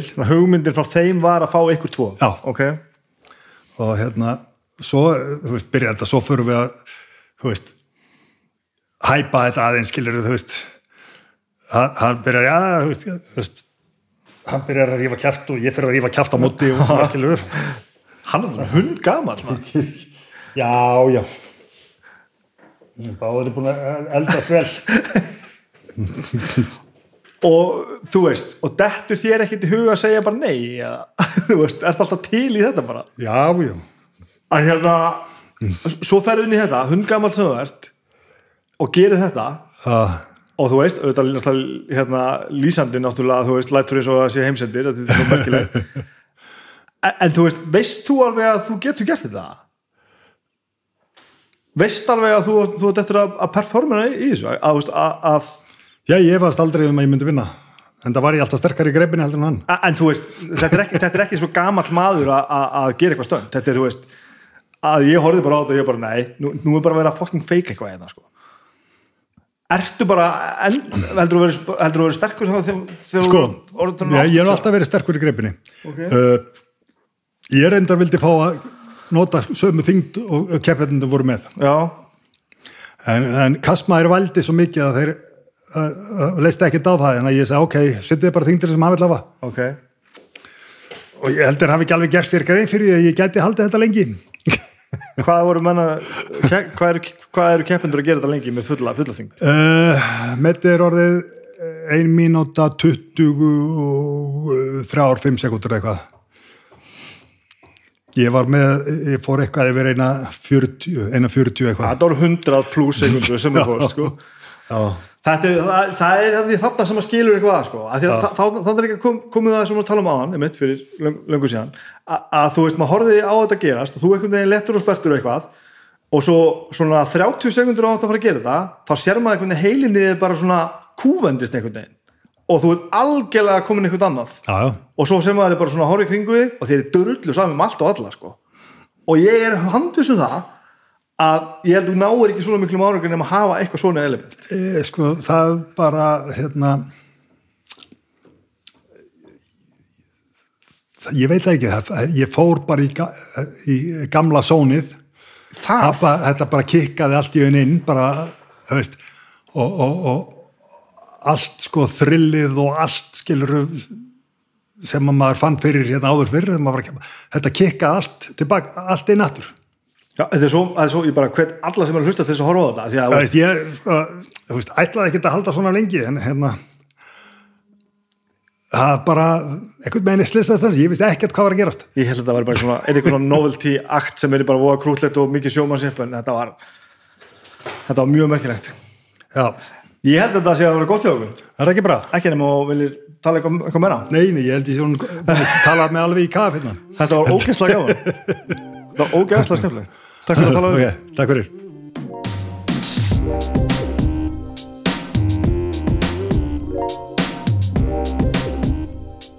Þetta var hann Magnús Ver. Þetta var hann Magnús Ver. Með kálfa próteinið og allt, allt, allt saman Þetta eru bilaða sögur. Þetta eru alveg sturlaða sögur. Og það er ógeðslega fyndið að vera að tala við svona venjulegan mann sem er búin að gera þessa hluti og bara horfa svo á sjálfa sig og, og það er bara eins og maður sé ekki á sama kyni. Og hann er samt, hvað erum við ekki svipa háir eða eitthvað? Og, og veist Jú, hann er augljóslega nöðst ykkur ennþá og það allt saman en, en sko ég veit ekki. Ég, við erum að tala um að, að hluti sem hann er að rífa upp á jörðinni sem að sko ég þarf að býða eftir gröfunni til þess að, færa. Þetta er, veist. Já, þetta var bilað, þetta var skemmtilegt. Og þessi, þessar hugmyndir hans með hérna með framaldi hérna heima á Íslandi og náttúrulega líka það sem allir að gera úti, það er frábært. Þær eru merkilegar. Ég vona að, veri farið í þetta krafti og þetta verði þetta verði ongoing því að það, við eigum að eigun okkur þessa ímynd. Það er hannig, við eigum hana að stórum partí en þá og við eigum við eigum að rækta þetta og við getum gert svo ógeðslega margt með þetta. Þannig að þannig að ætla að vona svo innilega að þetta, þetta fari rétta leið og allir, allir saman nú. Ég ætla aðeins að nefna hljóðkirkjuna áður um hættum uh, Dómstægur síðasta mánudag var uh, hann var uh, stórmerkilegur. Stórmerkilegur var til leiti að þar var tekið fyrir málin með nummer 500 frá upphafi. Hafið það, 500 það er eins gott að vanda sig. Hann hafði búið að dæma 500 málefni og af nóg að taka. Og ég er búin að segja þetta áður ég ætla að gera þetta bara, þú maður eigi ekki að vera að tala um sitt upp á allt þetta er upp á státturum minn, það er nú bara þannig kokkaflækja hans Óla hvað sagði hann? Viðmældi þáttar eins að þessu sinni er Jakob Jakobsson sem lengi var kendur við jómfrúna sem er í raun alls ekki skrítið því að stopnaði hann og átti lengi á samt guðmyndi mannunum sínum Jakob var líka fyrsti kallmaður til að útskjáðast frá dönskum kokkaskóla sem smu- smurbröðus jómfrú en þangað til hafði það verið kvenna starf. Við tölum um það upphafið á veitingahúsinu í jómfrúni, hvernig það er að vera gay í veitingabrásunum í Reykjavík og líka nýja frábæra staðan sem Guðmundur er hveragerði matkrána og svo þetta heil mikið annað frábært spjall við frábæra mann. Skemmtilegt, ég er ekki búið með það en ég hef komin inn í rúmlega hálfan þátt og þetta, þetta er mjög merkileg saga. Þetta er svo merkilegt miðvíkudagur drauga fortíðar Ó, óði ítustjórin óði ítustjórin hvað gerum við ef við teljum okkur vera beitt misrétti líklega reyna flestir að fara löglegu leiðina? En hvað það, verist ekki duga? Þáttur dagsins fjallar um mann sem fannst hann hafa verið króaður af út í hodni á lokum taldan aðeins eina leið verið í bóði í bóði það var leið hendar og eðileggingar eitthvað held ég að Flósi geti nú talað. Þetta, ég er ekki búin að hlusta. Ég held að þetta sé, ég held að þetta ljóta ára gott. Það er miðugdagurinn um, já, þetta tekið upp uh, að áður þessi þáttur fyrir loftið þessi, uh, þessi drauga fórstíða þáttur sem þýðir það líka að við erum ekki búin að taka upp það sem ég er að fara að tala um núna. Um, ég, ég er að fara núna á miðugdagskvöldið sem, annarkvöld, þetta er ekki búin þriðudeg er ég að fara í hljóðfarahúsið einu sinni sem endran er sem oftar. eh, að taka viðtal þar í beinni, hljóð og viðmælandi minn núna í heimsókn í hotn hljóðfarahúsins er Eithór Gunnarsson, hljómbórsleikari, píónuleikari uh, meðlum með oss Messoforti, upptökustjóri, útsettjari tónskáldi í hvað hvað og bara alltaf ofur talent ofur tónlistamæður um, það er í beinni. Er eins og í mánu hljóðkirkjan hljóðfarahúsi send út uh, frá hljóðfarahúsinu viðtal við íslenskt tónlistafólk og þið getið fundið öll þau viðtöl á Facebook síðunni hjá hljófarhúsinu og það er Eithor Gunnarsson. Hálf átta var það ég veit ekki að hverju segja ykkur það, það er ekki eins og því eftir að, að hlusta á þetta og, og, og, horfa á hitt í beinni útsendingu af því að það er búið, en farið á, á, á Facebook síðu hljófara ásins og, og horfið á það, tekkið á því. Hvert var ég komin? Uh, Vili Naglbítur, annars var á Vigi með um, Nei, hættur alveg, förstagsþáttur og förstu dagur, semst á morgun þegar þetta tala, þegar hlustið á þetta er eh, besta platan og það er besta platan með Motorhead. Og ég eh, stilli að sjálfsögðu fram plötinu Overkill sem þeirra bestu plötu. Þetta er hljóðkirkjan þessa vikuna. Mér langar að byggja ykkur endilega um að fara allstaðarinn eh, og gefa ykkur engun skrifa lítið review ef, ef, þið, ef þið nennið ef þið nennið ekki, ekki gera það hjálpar okkur helling að þegar þið gerir þetta að reytið okkur, skrifið aðeins um okkur. Því það ítur okkur upp listana og þá er auðvöldra fyrir okkur að finna samstagsæðila, það er auðvöldra okkur fyrir okkur að, að búa til um, örlið til lífs viðværi fyrir þetta sem við erum að gera svo að það sé hægt að gera þetta almennilega og því getur hlusta fritt og sama á við um samstafsæðilin okkar þegar þið stiði við þetta fólk þá, þá skaffa það okkur business, þannig að endilega farið og kaupi kaffi hjá Reykjavík Rósters farið inn á vefversluna hjá Fly, Fly over Iceland, pantið ykkur flug og notið afsláttakóðan hljóðkirkjan og fáið 20% afslátt, þannig gengur þetta ringi, þið fáið stöfi í eirun og við fáum örlítin penning í kassan fyrir vikið.